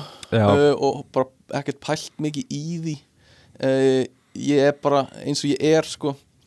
Uh, og svo náttúrulega hjálpar mér svolítið að vera uh, liftingamaður þar sem þú veist þú mátt vera stór eða þú veist það er bara Já, já. kostur að vera stór sko. Þú veist ennþá uh, íþróttamaður. hatt ég er ennþá íþróttamaður þó ég sé þú veist hátt í 200 kíló skilur já, já, þá er ég ennþá íþróttamaður sem er, en það tekur toll sko, þú veist það er ekkert næs að vera ógislega stór bara mörguleiti, það er bara erfitt að reyma skóna og, og standa upp og eitthvað svona. En hvernig, Um, hvernig fannst þú vinna í að breyta sko uh, já að laga í raun og verið sjálfströst partir að því mm uh, ég veit ekki sko það kom alveg moment, ég held að sé bara einhvern veginn að ég, ég veit ekki hva, hvernig maður á að horfa bara svona gleyma því að ég þurfa að hugsa um útlitið já, að miklu leiti uh, og það kom alveg tíma, tímar þar sem ég er, þú veist, sit í stól og er bara að gleyma mér í einhverjum samræðum eða eitthvað svona og svo lítið til hliðar og það er speill og ég sé sjálf á mig og ég er bara fuck skilur, eitthvað svona Já, já. bara, þú veist, ég var, var ekkert að hugsa um að ég liti svona út sitjandi í þessum stól. Nei, bara nei. í mjög eitthvað svona unflattering stelling og eitthvað. Uh, og það er svona smá svona slæðrán á jörðina og svo þarf maður bara einhvern veginn að hugsa veist, það, það bara skiptir ekki máli. Fólk, já. fólk, annað fólk sér miklu meira líkama þinn heldur en þú sér líkama þinn. Uh, já, já. Þú veist, þú ert öruglega með betri ímynd að því hvernig ég líti út heldur en ég sjálfur Já, já. einhverju leiti, sko. Klálega Uh, sko. og, og ég á mjög svona frekar erfitt með að setja mig í samhengi við annað fólk. Þú veist, ég horfa á einhvern sem ég finnst bara huge, einhver svona liftingagauður Já, og ég átta mig ekki á því sko hvoru megin við þennan mann ég er. Þú veist, er já, ég já. Lít ég út fyrir að vera minni en hann? Að því hausnum á mér er ég minni en hann. En svo þú veist kannski sé ég mynda mér sem og ég sé ekki andlita á mér. Og fyrsta sem ég hugsa, wow, þetta er hvað hérna, einhver Já, gauri já, þetta? já. og þá, já, þetta er ég, já, já, já, alveg rétt. Já, eitthvað svona. Uh, þannig að hérna ég, ég veit ekki, og bara setja þetta einhvern veginn úr hausnum, bara þú ert uh, einstaklingur sem býr inn í þér en ekki líka með einhvern veginn. Já. Ég, ég mér finnst það mjög heilbrið hugsun sko ég, Mm, Þetta er svona eitthvað já. sem að sem að, sem að uh, mér hefur lengi langað að vinna í og er svona, finnst Mm. ég vera betri en samt, þú veist samt er mitt þessi Mhm. moment sem eru svo fáraleg stundum veist, eins og bara sko. þú talar um myndir mér, sko, Já, það er eitthvað já. svo sorglegt við að þú átt eitthvað gott moment, svo tekur fólk mynd og eiginlega fyrsta Mhm. sem að heilin gerir þegar hann analyserar myndina sem þú sér það þér mm Er- eitthvað hvernig þú lítur út á þeirri mynd já, og ef að þú, sko. ef að þú Mhm. skilur ef þú myndast illa á þeirri mynd versus ef þú myndast Já. vel þá heilin bara algjörlega tekur þá preferensi yfir hvor myndin var skilur já þú veist, þetta er bara gjör sko. ólík tilfinning og það geti bara verið sko sama bara sama, tekið á sömu sekundir bara frá mismöndi sjónurhóðni og það er bara algjörlega Mhm, ólíkt mhm. hvernig hausinu þau prósessa myndina sko. alveg 100% sko, algjörlega og já uh, ég held að margir fari gegnum eitthvað svona tímabil til dæmis að segja að vill ekki bara svona hegðar sér ég veit ekki hvað maður að segja bara svona á, á ákveðin hátt fyrir myndavélar bara til sérstaklega Já, já. Fyr, veist, út af hvernig líðum er líka bara einhverju sem bara hætta að brosa af já, því af því uh, þeir finnst andlitið er að líta á, á, út á ákveðin hátt meira þegar þau brosa frekar en annað og eitthvað svona. Uh, sem er þetta er helvítis baróta sko. Og þú veist, þetta er ekkit auðvelt að díla við svona á, á margan hátt sko. uh, og hérna, það er, þú veist eitthvað svona, það er endalust í, í núna fjölmiðlum og eitthvað svona uh, bar, þetta er svo, svo tvískinnungsleg barátta oft við sko útlita fólki er að þú veist, fólk er alltaf að segja eitthvað svona body positivity og berjast fyrir því en svo, þú veist en það er ekkert að breytast hugsunin að, í grunninn að miklu leiti þú veist, það er alltaf sama uh, einhvern veginn sömu standardanir og eitthvað. Uh, kannski hægt og róla er eitthvað að breytast en, En- þetta er samt alveg bölvaði baróta sko. Já, uh, mér, já, mér finnst líka sko Mhm. að því að mér finnst þetta vera í raun og veru miklu meiri Já, ég meina, ok, náttúrulega, auðvitað er þetta út því að þú ert búin að fá okkurna fyrirmyndir á því hvað er fallegt og allt er svo leiðis En já, svona fyrir mig persónulega finnst mér að líka hafa verið oft bara rosa mikið bara hugsunarhátturinn hjá mér sjálfum mhm þú veist, að kannski Mhm. bera saman hvernig ég er að dæma sjálfa mig uh, mm, á kannski, þú veist, mismunandi stað á því hvernig ég leit út skilur, já, veist, já, ef að kannski já. útlitið mitt Mhm. hefur breyst og ég kannski hefur Mhm. breyst á einhvern hátt sem að tíu árum fyrr hefði ég verið bara þetta væri alveg, svona langar mig að lí- líta út skilur, bara ef ég væri hérna já, já, já, þú veist.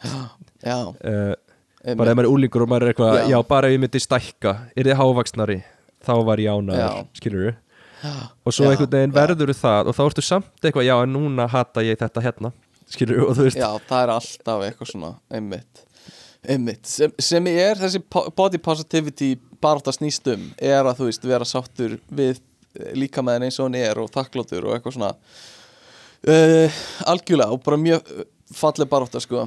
Uh, eitthvað sem ég hef líka uh, verið svona að glíma við er, eða svona glíma við er þú veist að virðast ekki vera of ógnandi einhvern veginn ef það meikar sens. Já, ok. að hérna að þú veist uh, þetta er svona, ég veit ekki hvort það er s- svipað og svona resting bitch face nema bara fyrir gauðra einhvern veginn Já, að hérna þú veist ég að vilja ekki líta út fyrir að vera einhver svona vondur reyður kall sem er eh, svona eitthvað svona með skegg og eitthvað svona þú veist sem hvað, fólk ertu, er hrætt við sko. hvað gerur til að gera það? bara svona reyna að brosa og vera léttur og, og hérna þú veist uh, um, já, eitthvað. Bara að, hérna ég, eins og já, Kristina sagði mér í gær að ég geti stundu verið svolítið ógnandi. Já, og ég hugsaði ah, já, ok. Kannski get ég stundu verið ógnandi uh, ef ég er, þú veist ef ég er ekki að, mikið að, svona létta stemninguna, sko. Já. Eh, eitthvað svoleið, sko. Uh, að svona líka minn ber, ber það með sér, en kannski er það bara algjörlega rann, að líka minn ber það ekkert með sér. Uh, uh, Nei, ég veist eftir að vera sko með þig að, að þeir, mér veist ég hef séð alveg, ég get alveg séð báðar hliðar á því. Mm, uh, mhm. en mér veist að vera, þú veist það er miklu meira hvernig, hvern, í hvað gýr þú ert sko. Já, já, já, já, já, Þú veist. einmitt, já. Þú veist, mér er svona, þú veist, ákveðnir hópar eða umhverfi eða eitthvað sem þú ert að gera sem þú sér ekki skilur, Já. þetta er bara, bara hæðunni þín, skilur, þetta er útlitið þetta er ekkert eitthvað Það tengist þessu ekki. Já, ymmit Já, nákvæmlega, það er kannski bara málið sko. það er miklu meira hegðurinn manns. En ég held að þú Eh, sért samt kannski útlitið er að ef þú ert segjum að þú ert kannski þreyttur og hefur ekkert Mhm. rosa mikið áhuga að tala við ykkur á mannesku Já, þá er default það, svo orka hjá þér þú veist, defaulti þar er miklu meira ógnandi heldur en ég í sama defaulti sko, já, já, já, já. Ymmit Já, já, ég get alveg ég get örgulega séð það sko. Um, Já, að hérna ég held að þegar við bjöggum á hana hótelinu hafi mögulega einhverju fengið að finna fyrir því. Já, þegar já, við fórum inn í eldhúsið og, og hérna, og ég nefndi ekki að tala við neitt og bara, já, það gæti alveg verið sko. Mm, En svo þegar þeir verið í kringum því í kringum improv-hópin þá er algjör svona bubbly, bubbly steppi hérna orka í það sko. Já, já, já, 100% sko. Um, reyna, reyna að brosa og vera skemmtilegur. Uh, En, en uh, já, sko við ætlum að tala um mannslíkamann og uh, það er bannað að dæma er, er víst, er mottóið hérna að hérna, það eru allir bara að gera sitt besta. Uh, en uh, bara með það í huga uh, eða, hvað er svona það fallegasta og það ljótasta við mannslíkamann. Uh, Já, mm er svona hugsunin sko. Sko ég held að nafli sé alveg upp þegar ég verið að ljótast við mannslíkamann. Er það ekki það? Já, ertu ekki nafla maður? Nei, minna það er Ert ekki nafla maður Hvaða, hvaða? Eitthvað svona nafla gil er, að, Ég veit að sumir það svona fer í suma. Það er alveg svona tryggra suma. Eitthvað svona að vera svona pota inn í nafla og eitthvað svona uh, eitthvað svona kýtla nafla og eitthvað svona. Og fólk er mjög erfitt með það og líka bara svona nafla kusk. Já, já. Að það er alveg það versta hjá mörgum sko. Ég er ekkit alveg þar En ég bara Ah. svona, þetta er ekki, þú veist Nei, það, Nei. Ég get ekki sagt þér hvort eitthvað er með fallega nafla Skilur, þú veist. Nei, nei, bara allir nei. naflar eru bara ekkit spes skilur. Þetta er einhvern veginn. Já, já. Þetta er eitthvað bara svona afgangur af meðgöngunni þegar að vera að búa þið til sko. Já, Þetta er svona, þetta er svona USB-C portið af þér sko. Já, já, já. Að að hérna að vera að fýta þig af einhverju svona orku uh, Já, nefnilega sko. Hvað finnst þér um geiruvörtur? uh, Mér finnst geirvörtur sko, eins og það er ljótt orð þá finnst mér að samt, mér finnst það fallegt sko. Já mm Mér finnst geirvörtur Það er mm uh, Já, mér finnst að þú veist, þær er einhvern veginn að búa til einhverju symmetríu á þessu miðsvæðinu sem að naflin vissulega gerir Já. einhverju leiti líka en skilur einmitt. Já, þannig að þið vantar mögulega bara annan nafla til að búa til svona, svona tvöfaldasymmetrí á fólk. Já, samt, sko, Eh. ég segi geirvörtur en, en þú veist, ég hef líka alveg, alveg ekki verið nú ánægð með geirvörtuna mínar. Mhm, mhm. Já, sem er svona já, já, ég meina. sem er rosalegt revelation hérna, rosalegt Já. moment í þessu þætti þess að ég opna mig með það en, en hefur ég pælt í gerfistunum þínum? Já. Já, já, ég hef alveg pært í gerfustunum mín Ég er með svona, bara full disclosure Ég er með svona loðna gerfustur sko eins og mikið að kallmönnum já, uh, Og ég er með svona Hári mitt á bringunni er í svona Batman merki uh, Þannig að þú veist Það fer svona nið, uh, bara basically eins og Batman logoið Og svo svona vangir til hliðana yfir brjóskassan já, og, og, og á, á gerfusturnar sjálfar sko. uh, það, sko kallmenn með lóna gerfustur sko. uh, ekki fan uh, persónulega, það gerir voða lítið fyrir mig það er kannski eins og nafli fyrir þig sko. þú veist ég hef enga svona sérstakar skoðun á því en ég get samt alveg séð að það er kannski ekki dróða heillandi ef það make a sense en ég meina en gerfistur á konum mm ég meina, bara frábær hlutur skilur eða, veist, þú veist. sem sem gaggin hefur kallmaður þá er það bara, það, er bara mér, er það ekki bara frekar basic að, Jó, en þú veist, verður það ekki að fá smá weight inn í þessu?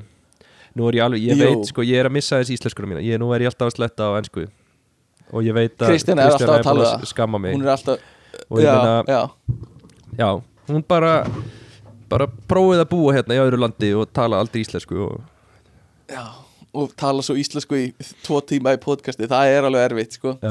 Um, en það fær 100% weight sko. Og uh, vægi. Já ég bara vægi, það fær vægi. Og jú mjög fallegur hlutur sko. En bara vörtur yfir höfuð. Eru þær fallegar? Vörtur er náttúrulega ekki partur af líkamann með það uh, sjálfsög er það partur af líkamannum Já, jú, Ég vörtur, já, það. því að vörtur Þú veist er, Það er þetta að vera með svona Svona vörtur svo með, með alltaf. Það ekki? ok, nú er ég bara ekki nógu vel að mér í þessu. En ég man bara eftir að voru alltaf einhverjur uh, krakkar í grunnskólinu mínu sem voru alltaf með einhverja vörtur. Já, það er eitt Uh, þegar fólk er eitthvað að fara að frista þetta eitthvað vörtur sem að byrja að myndast á löpunum en já, putt, veist, löpunum, puttunum og eitthvað. En ég er að hugsa að þú veist vörtur svona eins og skilur eitthvað svona úr Matilda Mm, hérna, já, já, já. Einhverjum svona nornir með einhverja vörtur á það ekki- nefinu og eitthvað já, er það ekki varanlega varta? Mm, jú, það er sennilega varanlega varta ég veit það ekki Það alveg er svo mikið, uh, það er potið ekki varanlegt það er potið bara, yeah. nornið þarf að fara að láta frista þetta það það? Það stað, sko, jú, sennilega, ég, sko, aftur ég þekki það ekki, sko. Og núna bara eðli málsins samkvæmt erum við svolítið að tala um líkama á öðru fólki í þessum þætti. Og þess bannað að dæma. Það er bara eitthvað svona að hérna, við erum ekki endilega að meina eitthvað illa. Við erum bara að reyna að tala um eitthvað hérna. En, uh, Já, já, en sko, jú, vörtur, sko stundum sér maður eitthvað á líkum annar, annars fólks uh, og hugsar uh, af hverju mm, gerir ekki eitthvað í þessu.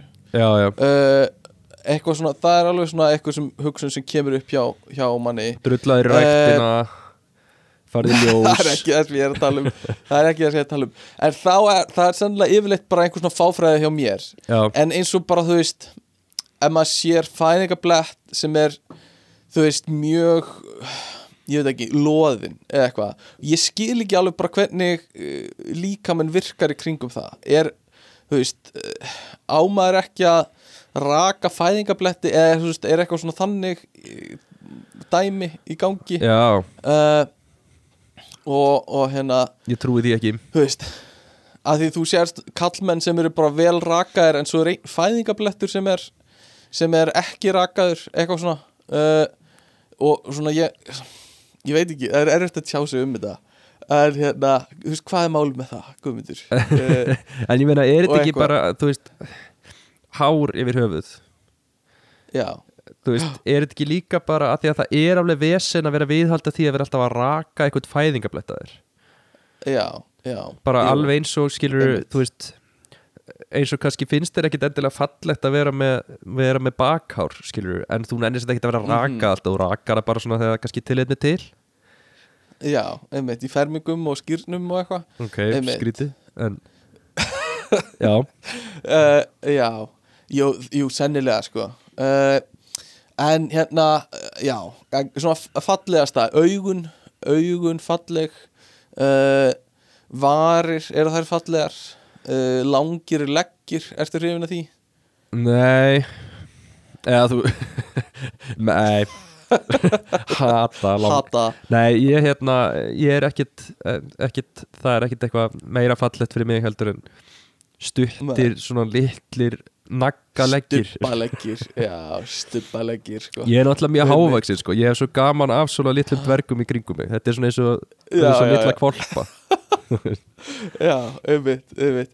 Þú vilt bara hafa fólk eins lítið og eh, þú getur í kringu þig Já, sko. það er eitthvað svona að taka tvö skrifa með ég tek eitt eitthvað svona trítlar með mér. Já, ég, já, já, ó, cute. Já, Ég er náttúrulega, ég er ekki drosa hávaksin Ég er bara svona í meðalhæð. Ég er kannski 1.80 og eitthvað tveir eða eitthvað svona.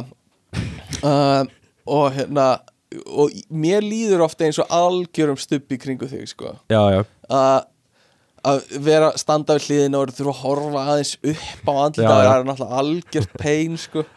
Og þú svona klappa mér á kollin halló litli, eh, litli Stefán. Já. um, þannig að hérna uh, það er náttúrulega alls konar komplexar í kringu það. Myndur þú vilja breyta hæðinni þinni eitthvað á einhvern veg? Uh, nei Ég held að ég Þú ert sé fullkomin. Þú veist Ég held ég sé að því ég, mér finnst ég líka vera sko Mér finnst ég mjög hlut Það er við erum tveir í vinnun og við tölum um það sama. Hann er líka 1.94 já, og ég vil meina að ég sé mjög svona hlutfallslega í góðri hæð. Já, eh, já, já, já. Þa- Þannig að ég er hávaxin en ég er ekki skilur þú veist Ég samsvara mig vel að því ég er líka svona svolítið breyður og, og, Mhm. og svona þéttur Já, já, já. Þú ert, já, já, þú ert það. Þú ert samt ekki, já, jú. Ég, ég, Þú veist, þú samsvaraði mjög vel, sko. Já, uh, En þú ert samt ekki það breyður eða þéttur. Eða þú veist, þú ert bara, bara mjög en ég, Æ, ég veit ekki hvert þú myndir ekki kalla mig slána skilur Nei, ég myndi ekki kalla það slána. Það er alveg rétt. Þú bara, bara fyllir vel upp í það sem þú þarft að fylla vel upp í. Uh, Nákvæmlega. En Nákvæmlega uh, Já, en mér finnst hæðið mín mjög góð sko Því að ég er hávaksnari heldur um flestir Og mér finnst allt svona ofar en þetta Þá er ég ekkit Það er ekkit nýtt, það eru bara meiri vandamál Skilur Já, já, já En það er munur á að vera 1.90 og 1.94 1.94 ertu komin í svona Þú veist, heldri manna tölu 1.90 er svona Ertu 1.89 eða ertu 1.90 Skilur Já, já Hvert erum við að ná með þetta er- Já Barsta Pældi í að vera 1.90 Hvað er ömurlegt örgulega Já, uh, Já, ég veit ekki. Ég myndi, ég var alveg til í að vera aðeins hávaksnari mm, En samt ekki mikið, sko. Ég hef líka, sko, tengt líka með mínum Ég hef glímt við, sko Þú veist, svo mikið af meðslum Og líka minn hefur fengið svo mikið af fucking höggum á sig Og bara, Já. þú veist, brotin bein allstaðar Og bara, hérna Alltaf tognað það sem getur tognað Og, og bara, þú veist, gifs og eitthvað svona. Þannig að, en, þannig að já, ég er mjög þakkláttur fyrir hvað líka minn hefur getað sko uh, bánsa tilbaka mikið sko. Já. Uh, og ég er ekkert viss, ég held að hann væri bara í verra ásikomulagi ef ég væri mikið stærri samt, svona þegar ég hugsa út í það þannig. Já, uh, ég, að, já, að allt svo leiðis ég, sko, ég er nefnilega aldrei þurft að díla við mikið af meðslum nei, Ég held að sé, sko, að því ég er líka frekar styrður, sko. Já, og, og nú er þetta eitthvað sem engin sjúkarþjólar og nokkuð tíma sammála mér en mín kenning er smá, sko, að þú veist, það er allt svo stíft í líkamanum mínum. Að þetta Já. er svona eins og svona riðgaður ját, hérna, bygging eitthvað já, það sem að skrúurnar allar svo fastar að þú nærðum þeim ekki, þú veist, þú nærðum ekki að losa neitt, af því allt er bara svona stíft saman, skilur við já ég hef heyrt þessa líkingu hjá ráður sko. Já, og uh, ég held að það sé mögulega bara eitthvað til í henni sko. En kannski sko þegar stíflaðan brestur sko. Þegar skrúan sko ætti annars að skrúast já út þá er hún bara ónýtt þá bara brotnar hún sko. Já, já, og skilur að hérna þá bara hrinur sko all, öll stíflan. En, en hvað, kannski ekki skilur já, já, kannski er þetta bara næs að halda, halda þessu saman á, svona, á stífleika sko? En ég meina fólk Mm. sem meiðist mest í íþróttum er Já. alltaf liðir sem er alltaf að rúlla og tegja og eitthvað drasl. Það er bara, Mhm. það er þekkit allir.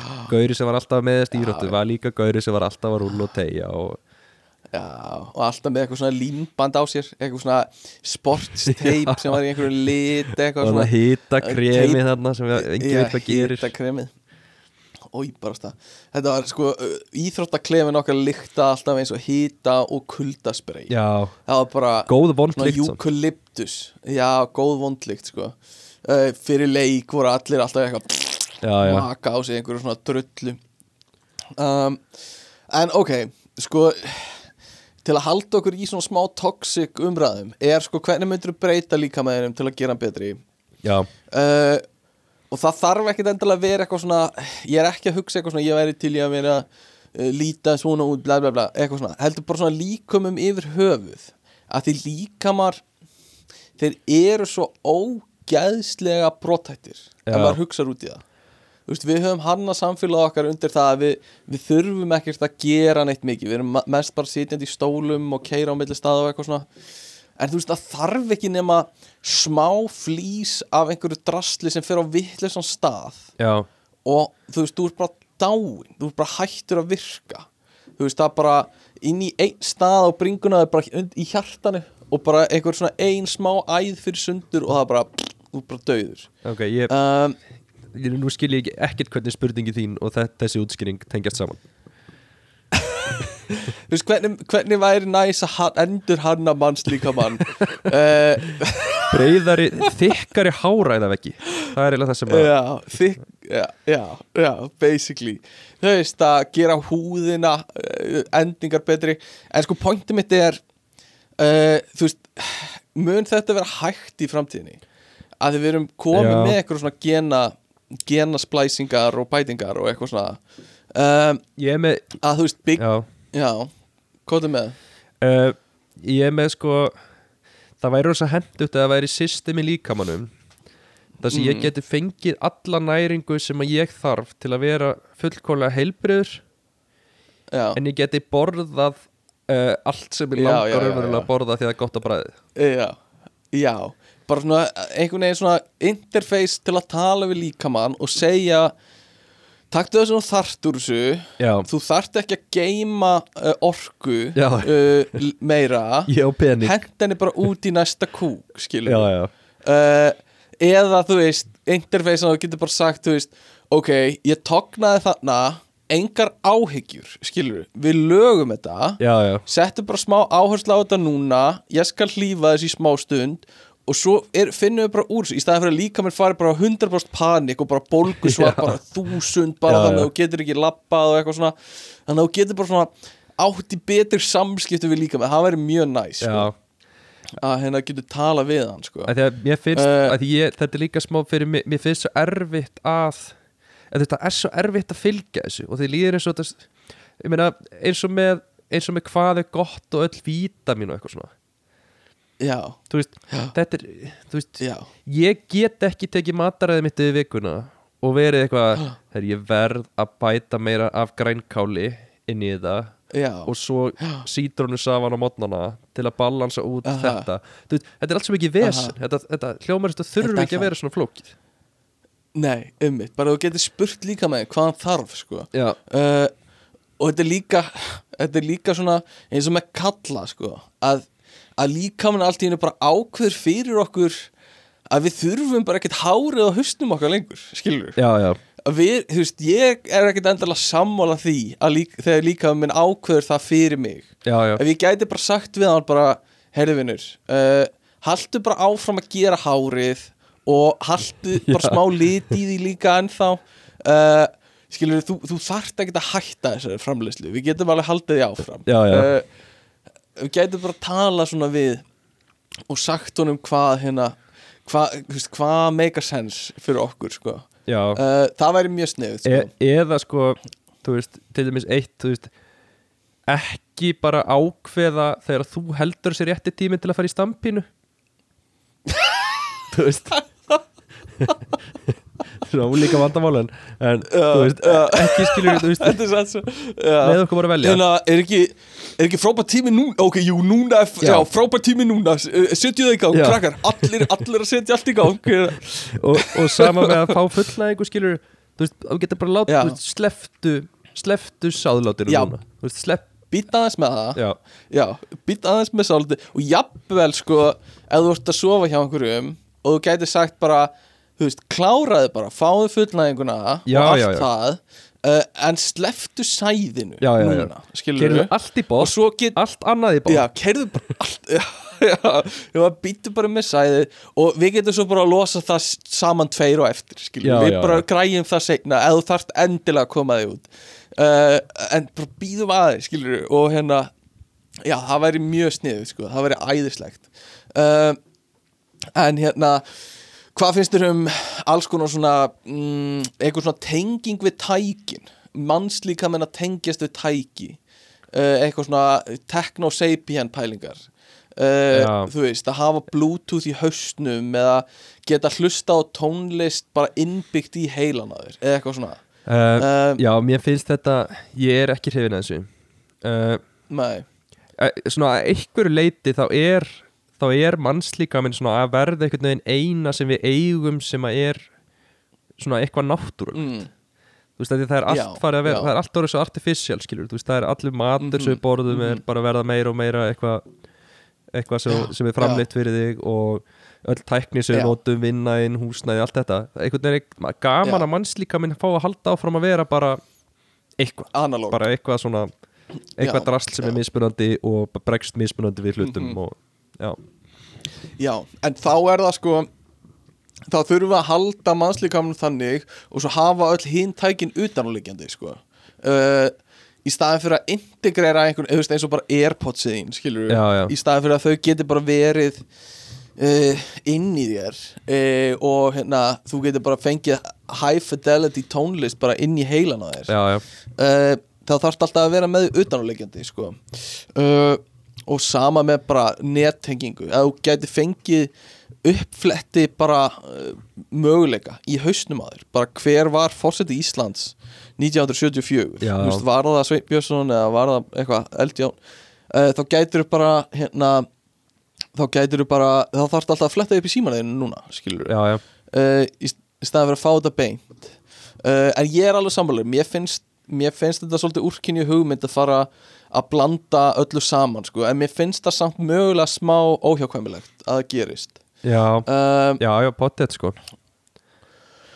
Og þú veist, fyrstu skrifin er að gera þetta fyrir fólk sem, sem er kannski fatlað eða eitthvað svona getur ekki hreift uh, hendunar þannig að þú notir heilan til að hreyfa eh, eða interakta við tæknina uh, og svo vil ég bara fleira fólk fá það. Þegar þetta er orðið mjög þú veist, gott uh, og hérna uh, sama með þú veist, ge genið þín sko.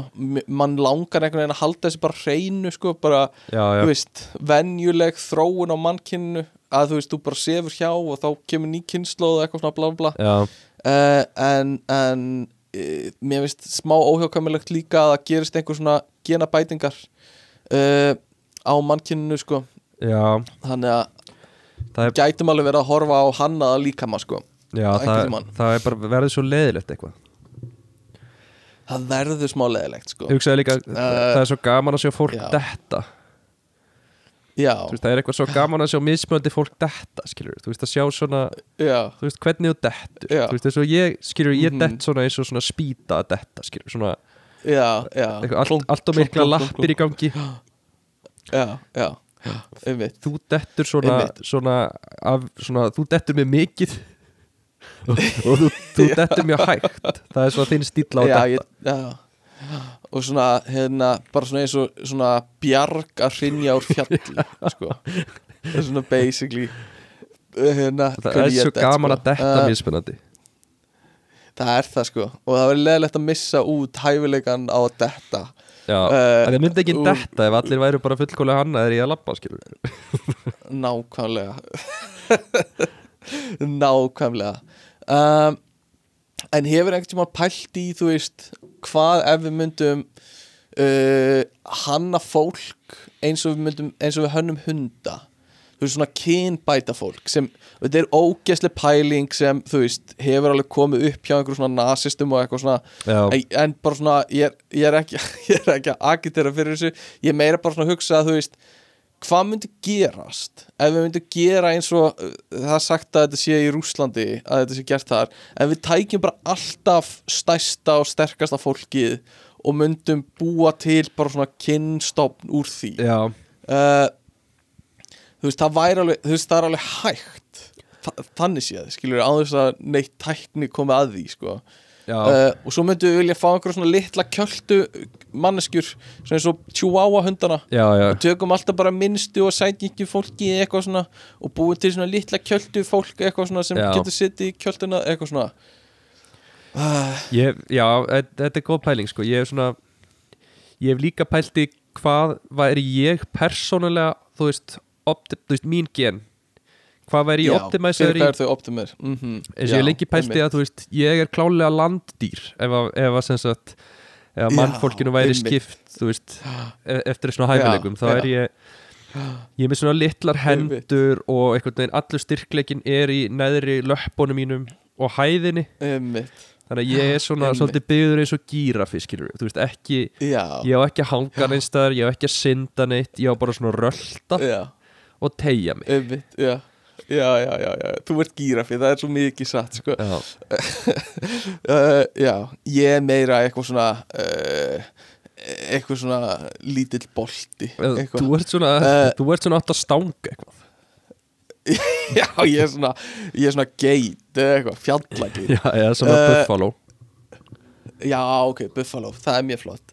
Uh, Nei, þú væri náttúrulega kynblandaður bættu Þú væri notaður í sko bláa Nei, hérna hvít, ljósa hárið sko.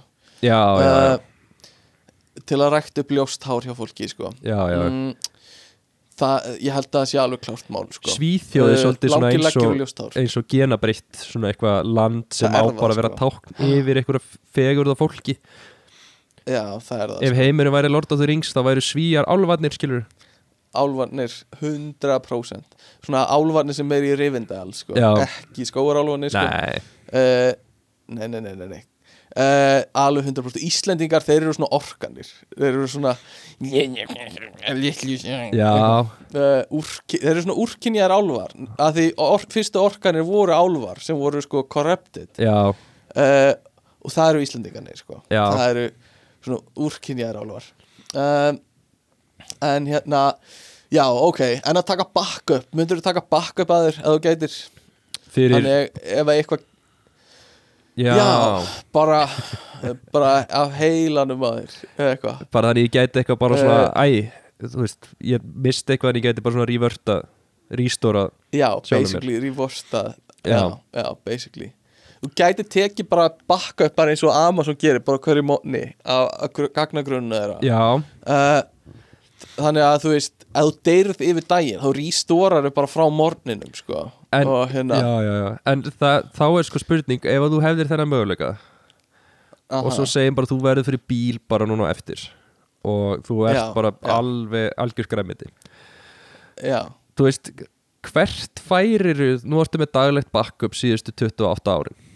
Þú veist, hvert er þetta að sækja backup á líkamanninum, er þetta þú veist Já, bara góð spurning. Hvort þú gerir á meðan á þínu bestu árum þegar þú bara allt í ekki lindi og þú varst bara á þínu besta stað? Eða hvort þú gerir það eftir skilnaðin þegar þú ert svolítið bara Já. leiður og, og drekkur svolítið mikið? Sko ég myndi segja að þú þyrftir að gera það á nýjasta backupið þitt sko. Uh, bara latest. Uh, og hérna uh, en þú ert kannski veikur eins og ég alveg fár veikur núna. Já, já ég hugsi það ekki viku gamalt backup eða ekki Já, það gæti verið. Uh, En þú veist, þá þyrftu líka að rækta líkamanna sko, þú væri þá með þú væri bara þjónusta sem Amazon býður upp á. Er að þú veist, þú sendið þeim stoppfrumur og DNA þitt og eitthvað og þeir rækta upp bara búk fyrir þig sem er bara eh, fljótandi í einhverjum vökva. Já, um, og svo ef eitthvað kemur fyrir þig þá getur þú bara tekið backup og bara pluggar þig inn í líkamæðin og þú ert dáin ní- þú veist, þessi þú sem þú ert núna lendir í bílslisi og, og fjölskyldaðin getur bara fengið nýjasta backupið þitt sko. já, já, um, og hérna, ég, mynd, ég held að maður þyrst að taka nýjasta bara til að halda svona continuan, continuation uh, continuityinu réttu sko Já, já. Hitt fær að flækja hlutina svolítið sko. Já, já, Eh, ég er sammála því já. senda, já, ef þú verður að senda inn einhvern fjögur ára gamlan gumma og dóttiðin er orðin, þú veist þri, hérna, fimm ára og þú bara Já, já, var hann ekki eins á sig eitthvað svona, bla bla bla. Já ég, Um, ég, ég er sammála því. Ég, ég held líka ég myndi ekkit velja Þú veist, ég veit ekkit hvað ég ætti að velja. Nei, Þú veist, ég myndi bara velja Nei. nýjasta backupið fyrir mig já, ég hugsa það sko. Um, já, og svo er bara einhver svona pælingar um hérna uh, ef við getum lagað alla sjúkdóma uh, með einhver svona nanobottum oh my god. Já, ég nenn ekki, ég er svona uh, æ, ég uh, nennum að tala um Nei, eitthvað svona, nei. þú veist bara ef við getum gert við líkam okkar á meira efficient hátt, skilur við já, já. Um, að hérna, það væri þægilegt bla bla bla, eitthvað svona. Uh, svo var ég að hugsa annað, er svona hversu breytt er spektrumið á mannslíkumum uh, Guð hjálpir og hérna það er basically, þú veist, við erum með þú veist, hvað getur manneskjan verið? Þú veist, hvað er mannslíkamin stórt spektrum? Uh, eins og ef þú sérð eins og ef þú sérð bara flugur eða maura mér finnst allir maurar líta út eins uh, en þú veist manneskjur geta verið allt frá því að vera bara 70 cm háar upp í þú veist 250 cm háar. Já, uh, og þú veist geta verið hérna uh, geta verið bara hórringlur einhverja bara þú veist 40 cm uh, þungar upp í þú veist 500 kíló þungar. Og, og allt þar á milli. Og hérna og hvað, me, hvað meira er svona spektrumið af mannslíkamanum? Uh, veist það er húðlitur sem getur verið breytilegur auglitur sem er breytilegur hárlitur sem er breytilegur svona allt útlitstengt. Já, já, og svo ertu með langa leggi og mikið af vöðvum og lítið af vöðvum, eitthvað svona bla bla bla. Um, þannig að hérna uh, já, svona þetta er allt sami þetta er allt sama dýrategundin samt. Allt sami líkaminn, þannig séð sko. Uh, Ertu með en svo er til uh, nei, eða þú veist, ég veit ekki Ég held þú værir einhvern veginn að byggja upp í- Þú veist, Já, uh, jú, að einhverju leiti Ég- að því sko út frá þess þetta var svona hugmyndi minn fyrst og svo út frá þessu fór ég að googla eitthvað og það mesta sem kom upp var eitthvað svona body modification greinar. Já, uh, þegar ég var eitthvað að googla the spectrum of the human body eða eitthvað. Já, og mest að því er bara hvað fólk hefur gert við líkama sinn. Já, og þetta er svona Ripley's Believe It or Not pælingar. Guinness World Record bókin pælingar. Það sem er þú veist þú veist með manneskjuna sem er mest tattúað manneskjan í heiminum. Já, og eitthvað svona sem er bara tattoo basically allstar og líka með bara svart. Og hérna já, hún er bara svört og svo feitar það náttúrulega þannig að þetta verður svona grátt í lokin Já, sko, já. þú verður bara svona grár. Um, og svo er þú veist mesta body modificationið á mail. Og hann er með svona alls konar ígræðslur hann er með svona horn, hefur þú séð Já, hornin já, já, þetta er eitthvað og það var líka tísku að vera með svona donut, bara svona kleinur hringi á enninu. Já, já. er ógæðslega skrítið sko. Þetta er eitthvað Star Trek Um, að kenna sko þetta er eitthvað svona, eitthvað svona já, nefnilega sko. Uh, og tattúera hvítuna í augunum þannig að ert með svört augu mikið af sko uh, bara svona body piercings út um allt sko í andlitinu. Uh, og þetta er, þetta er mest eitthvað svona og göt, gata líka með sinni mjög vinsælt sko. Uh, þannig að þú ert ekki bara með eitthvað lokka, þú ert með bara göt í líkamannum sko uh, hérna er eitthvað sem er most flesh tunnels í andlitinu. Já, bara já. flest fl já, flest sko göng í andlitinu. Já, og most piercings er eitthvað það skrítnasta Þú veist, þetta er bara manneski sem er bara með lokk á hverjum einasta fleti á andlitinu sínu. Já. Um, Þetta er náttúrulega, þú veist það, það, er, það fer alltaf allt svona út í öfgar. Þú veist, um leiðu við fundum upp að búkera það. eyrnalokk skilur, þá er, já, þá er ykkur komin þangað sko. Nefnilega sko. Þetta er rosald og svona gat í kinninniðinni þannig að þú sérð inn í munnin. Já, og svo ertu með svona tönnul þar. Þannig að þú getur svona sleikt út úr kinninniðinni með tungunni. Svona Já, já, já. stungi tungunniðinni út úr kinninniðinni þetta er alveg bara svona weird sko. Er e- og þú veist, ytta tennunaðinnar og eitthvað. Er eitthvað búin að fara í hári í græðslu á allan líkamann? Ég efast um það sko. Uh, að hérna að, ég held ekki sko. Þetta er líka hár ígræslur eru oft hár sem eru tekin frá þér sko. Þannig að þú ert basically að færa hárin sko. Já, já, uh, ég veit ekki hversu mikið af hár ígræslum er úr öðrum manneskjum sko. Uh, þó að það gæti alveg verið eitthvað. Uh, en hérna já, sko 16 body modification. Ok, nú erum við komin í eitthvað alvöru Uh, við erum að tala um sko modification á líkamannum eða einhver svona breytingar á líkamannum og eitt er ég veit ekki hvort þau séð þetta en þetta eru svona hálslengingar. Já. Og þetta er vinsalt í, í svona þjóðflokkum út um allan heim. En þetta Þannig er að- eitthvað svona ættbolka eh, bara, já, já, mikið sko. Mikið, bæði í Afríku og líka í Asju uh, þar er alveg mikið af svona modificationum og til dæmis hál, uh, hálslengingar þannig að þú hleður upp basically bara svona uh, háls uh, svona Kraga. menum, já hálskraga. Alltaf hægt og rólega bætur við öðrum kraga. Já, já, eða svona aðeins meira í kragan þannig að hann stækkar alltaf og stækkar og veist, þetta fólk held ég að sé búið að missa bara getuna til að halda upp í hausnum sínum sjálf sko. já, já. Uh, og það, það bara gerist þannig að þú ert komið með bara veist, 20, 30, 40 cm aukningu á hálsinu þínum. Um, og svo er þú veist uh, alls konar tunneling það er til þú veist tásubindingar í Kína er stórt dót. Þannig að þú tekur bara börn áður en þau eru farin að geta basically lappað og bindur tækna þeirra ógæðslega þétt saman og þetta er alveg ógæðslega vond og bara sárt uh, þannig að beinin vaksa skakt þannig að fætinu verða bara miklu minni en þeir eiga að vera Já, já, uh, og þá vera eitthvað rosa fínt þannig að þau passi í litla skó og eitthvað svona uh, já, ekki mjög næs sko. uh, hljómar þannig en svo er þetta bara menningar heimar sem maður þekkir ekki sko. en hérna mm, já, þetta er svona, svona spektrumið á mannslíkamannum sko. Ert þú einhvers stær í miðjunni, heldur þú? uh, á, á þessum spektrúfi Já, bara á mannslíkamanns spektrumið Já. bara á litrófi mannslíkamanns Nei, ég held ég sé ekki í miðjunni, sko. Nei. Stór strákur einhver staðar þannig að ofalega í hæðinni. Já, Ég ég held það á líka.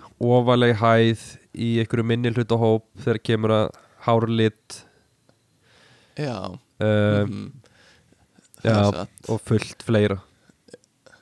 Já og fullt fleira, það er gott sko. Uh, Hérna, uh, já Svo vorum við með Most common body insecurities.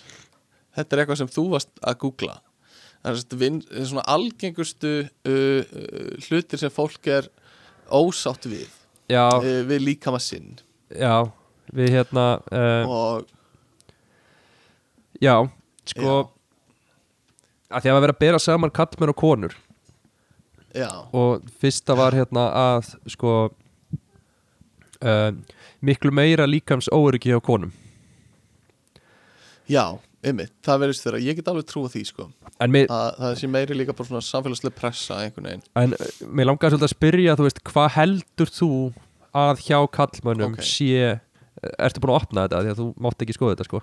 Ég, ég, ég, ok, ég skoði þetta ekki, ég skoði þetta ekki. Ég er búin að opna þetta en ég, var ekki búin að lesa þetta. Ok, Einmitt. hvað heldur þú að sé hjá kallmönnum mesta óöryggið ég myndi halda hárið eitthvað tengt að vera sköllóttur eitthvað svo leiðis uh, uh, já, Já. Uh, nei, það er hjá bæði köllum og konum þá er það mægin af fólki. Þannig að þetta er, það er, já, ok. er þetta, ég er og feitur eitthvað, vandamál. Já, já, já, einmitt. En- það er malakúturinn sko. En það er rétt hjá þér að Mhm. 24% manna eru með áhyggjur af því að hári sé að þinnast og það er, sem sagt, það er næsti Já. flokku fyrir neðan. Mm já, hvað heldur að koma á eftir að hári sé að þinnast? uh, á kallmönnum hárið er að þinnast uh, sko, möguleikin er kannski uh, líkamshár annar staðar uh, það gæti líka verið hérna lykt body odor uh, það gæti líka verið hérna hæð hæð, hæð er kannski ég að segja hæð. Hæð, uh, nei það er eiginlega ekki á þessum lista sko. En um, Nú, næsta er sem sagt hérna sem sagt húðin. Húðin er já, næsta já, já, óryggisatriði já, já. ok, Og hjá konum er þetta ok. uh, nummer tvö. Það er sem sagt, fyrst er það húðin. Já. Og á eftir því á kallmönnum þá er það skegg Þannig að skegg, facial hair er, er Mm. næsta listanum. Já, já, já. Og grátt hár. Ok, finnst það og grátt hár, já, grátt hár. Ég get alveg séð það sko Já. hjá kallmennum uh, mér finnst kallmenn oft uh, veist, þeir eru ekki að fara heldur jafn mikið í litun og, og, og konur ég mér. Uh, þó maður kannski vitið ekki 100% Já, um, ég er með grátt hár og ég svona, ég, það hefur aldrei kvarla beint að mér að fara í litun sko. nei Samt alveg Um, kallmenn sem gera þetta sem verða gráhærðir á, Já, fyrir já. ákveðin aldur það er mikið já, já, en, einmitt en já, aðeins að fara í gegnum alla lista Já. þá held ég að það sem er svona áhugavert kannski helsti munurinn á köllum og konum já, sem kom mér á óvart er sko já, það er eiginlega allt með lappirnar þú veist, það er rassin, lærin uh, mm, já, rassin og lærin og, og mjadmitnaðinar já. þú veist, Já. það er eitthvað sem Já. er bara svona mjög lítil prósent af kallmönnum eitthvað að pæli en mjög stór Ok. prósent af konum með órugi yfir lærum og rass Já, ok Já, ég get alveg séð það Það er, læra og rass er eitthvað sem kallmenn já, já, pæla eða bara felað í gallaböksunum sínu sko. það er engin svona áhersla á að íta undir mikið að því sko. já, það er alltaf búið að kynngera Um, þetta rosalega fyrir konur þetta, Já, þetta stundarglasa mál og, og já, já, mjadmir eiga annarkvort að vera þykkar það er eiga að vera þykkar eitt árið og svo næsta árið þá dottu út tísku og konur eiga ekki að vera lengur með þykklæri heldur þunn, eða eitthvað svona bla bla bla. Já, og, rosa mikið svona uh, já, þú og, veist, þú passar inn í einhvern hóp og svo allt í hennu ertu hægt að vera í tísku og dottin út, eitthvað svona. Já, maður sér að þú veist, þetta er eitthvað sem strákar þú veist, strákar bara 12 ára eru farin að tala um uh, rass á einhverjum stelpum þetta er svona já, þetta er svona alveg alveg einhver klámvæðing hérna sem er bara algjörlega en konur sko, tala ekki um rass á strákum nema svona, einhvern svona það er svona setni bylgi af því sem er eitthvað svona já, já, já, já, já. Fullorðnar einmitt. konur Og- tala meira um rass á kallmönnum heldur en ólingsárunum já, það er allavega svona okkar gísk sko. ég hef alltaf aldrei verið í kvenna samtali sem kona sko. Uh, en, en hérna það er, það er svona okkar mín upplifun kannski. Uh, eigum við að taka smá leik í lokin áður en við endum en þátt? Já, ok, ég ætla að vera að gefa þér líkamstæðrendir já, og þú ætlar að segja mér hvort það séu sannar líkamstæðrendir eða eitthvað sem ég bjóð til. Ok. Og ertu búin að lesa hana lista sem þú settir inn af fun uh, body hérna, staðreyndir? Nei, ekki beint sko ok, ég ætla semst að lesa af honum og svo búa til bara á staðnum Ok. einhverja líkamstæðrendir Ok, og ég ætla að gefa það tvær og önnur að þeim er alltaf bull af mér já, og, og hinn er, eh, er alvöru. Ok, ertu tilbúin? ég er tilbúin Ertu tilbúin? Ok. Uh, Fyrsta stænindin er svona og ég er að þýða jafnóðum. Þannig að ammoniakið sem þú pissar yfir alla æfina myndi fylla upp í þrjú baðkur Þetta er fyrsta stænindin Ok, uh, Næsta stærind sem þú ætlar að segja mér uh, í þessari tvend er svona uh, Þegar hérna þegar súrefnið til líkamanns er stoppað súrefnisflæði til líkamanns er stoppað þá getur heilin lifað í, í þrjár til sex mínútur. Hvora þessu staðrendum var bull uh, TikTok. sko ég, Mér finnst sko staðrindum að þú segir ammoniumið í, í, í pissunniðinu já, Mér, ammoniakið the ammonium. Mm Já, hmm. uh, Mm. ég held að sé Mm. held að sé uh, Ég held að það sé rámt Þú heldur að það sé líi Já, Það er rétt þér, ég bjóð það til á staðnum. Ok, förum í næsta. Uh, Ok, ertu tilbúin? já. Ég er alltaf tilbúin. hérna. Já, ok. Uh, Hjarta á þér getur uh, getur sem sagt syngað við takt þegar þú hlustar á tónlist. Já, Það er fyrsta staðrindin Næsta staðrind er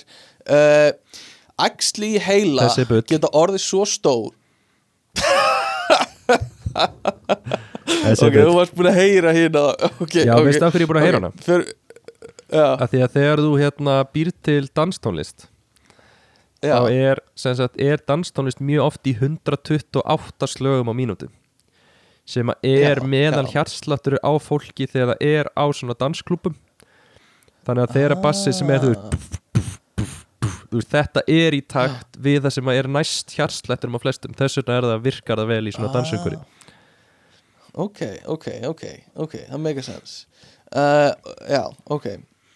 Um, Ok, hérna er næsta starrend uh, uh, Smáþarmarniðinir uh, eru uh, hærri en 23 fet ef þú, dreifir úr þeim. Já, núna 23 náttúrulega sko annarkort lastu alvöru staðreind og breyttir 23 því ef að þú hefur verið að bylla þessi staði Já. það er aldrei talað í fet já, já, já, já, já. Vítu, leið mér, að- leið mér að lesa næstu stærn fyrir þig. Leið mér að lesa næstu stærn fyrir þig líka. Um, Ok. Uh, Húðin á þér Þegar henn er dreift Yfir uh, Yfir flatt surface Þá nær hún uh, 30 square foot Að leng Að, flattamáli uh, Sérst, fair fett Já, það er bull Hmm. Þessi seinni? Já. Það er allt og Já, stór það er það er bull. Það er bull. Ok, síðasta, ég ætla að reyna að ná þið með næstu. Um, uh, Já Það kemur fyrir oh, Ég þarf að byrja upp að nýtt. Uh, Það kemur fyrir Í einum á móti miljón tím, hérna, uh, times Þegar börn fæðast Að þau fæðist með fjólublá augu. Ok? Og hitt er uh, Hægra nýra þitt Er staðsett aðeins neðar Heldur en það vinstra. Uh, Ég held að þetta með augun sé rámt Ó, það er rétt, það er rétt ég er Ok. Ég vann. Vá, ég, já, þú vannst. Ég náði ekki að planta það einu sinni, sko. Heyrðu, ok. Ég held að þetta sé bara komið gott hjá okkur í dag. Við gleymdum að segja styrstar aðla Hver eru styrstar aðla þáttur í dag, Guðmundur? Það eru blöðrur. Það eru blöðrur, blöðrur, löðrur, slöðrur Settum við upp í uh, vömbin á þér. Það er slagurði hjá þeim.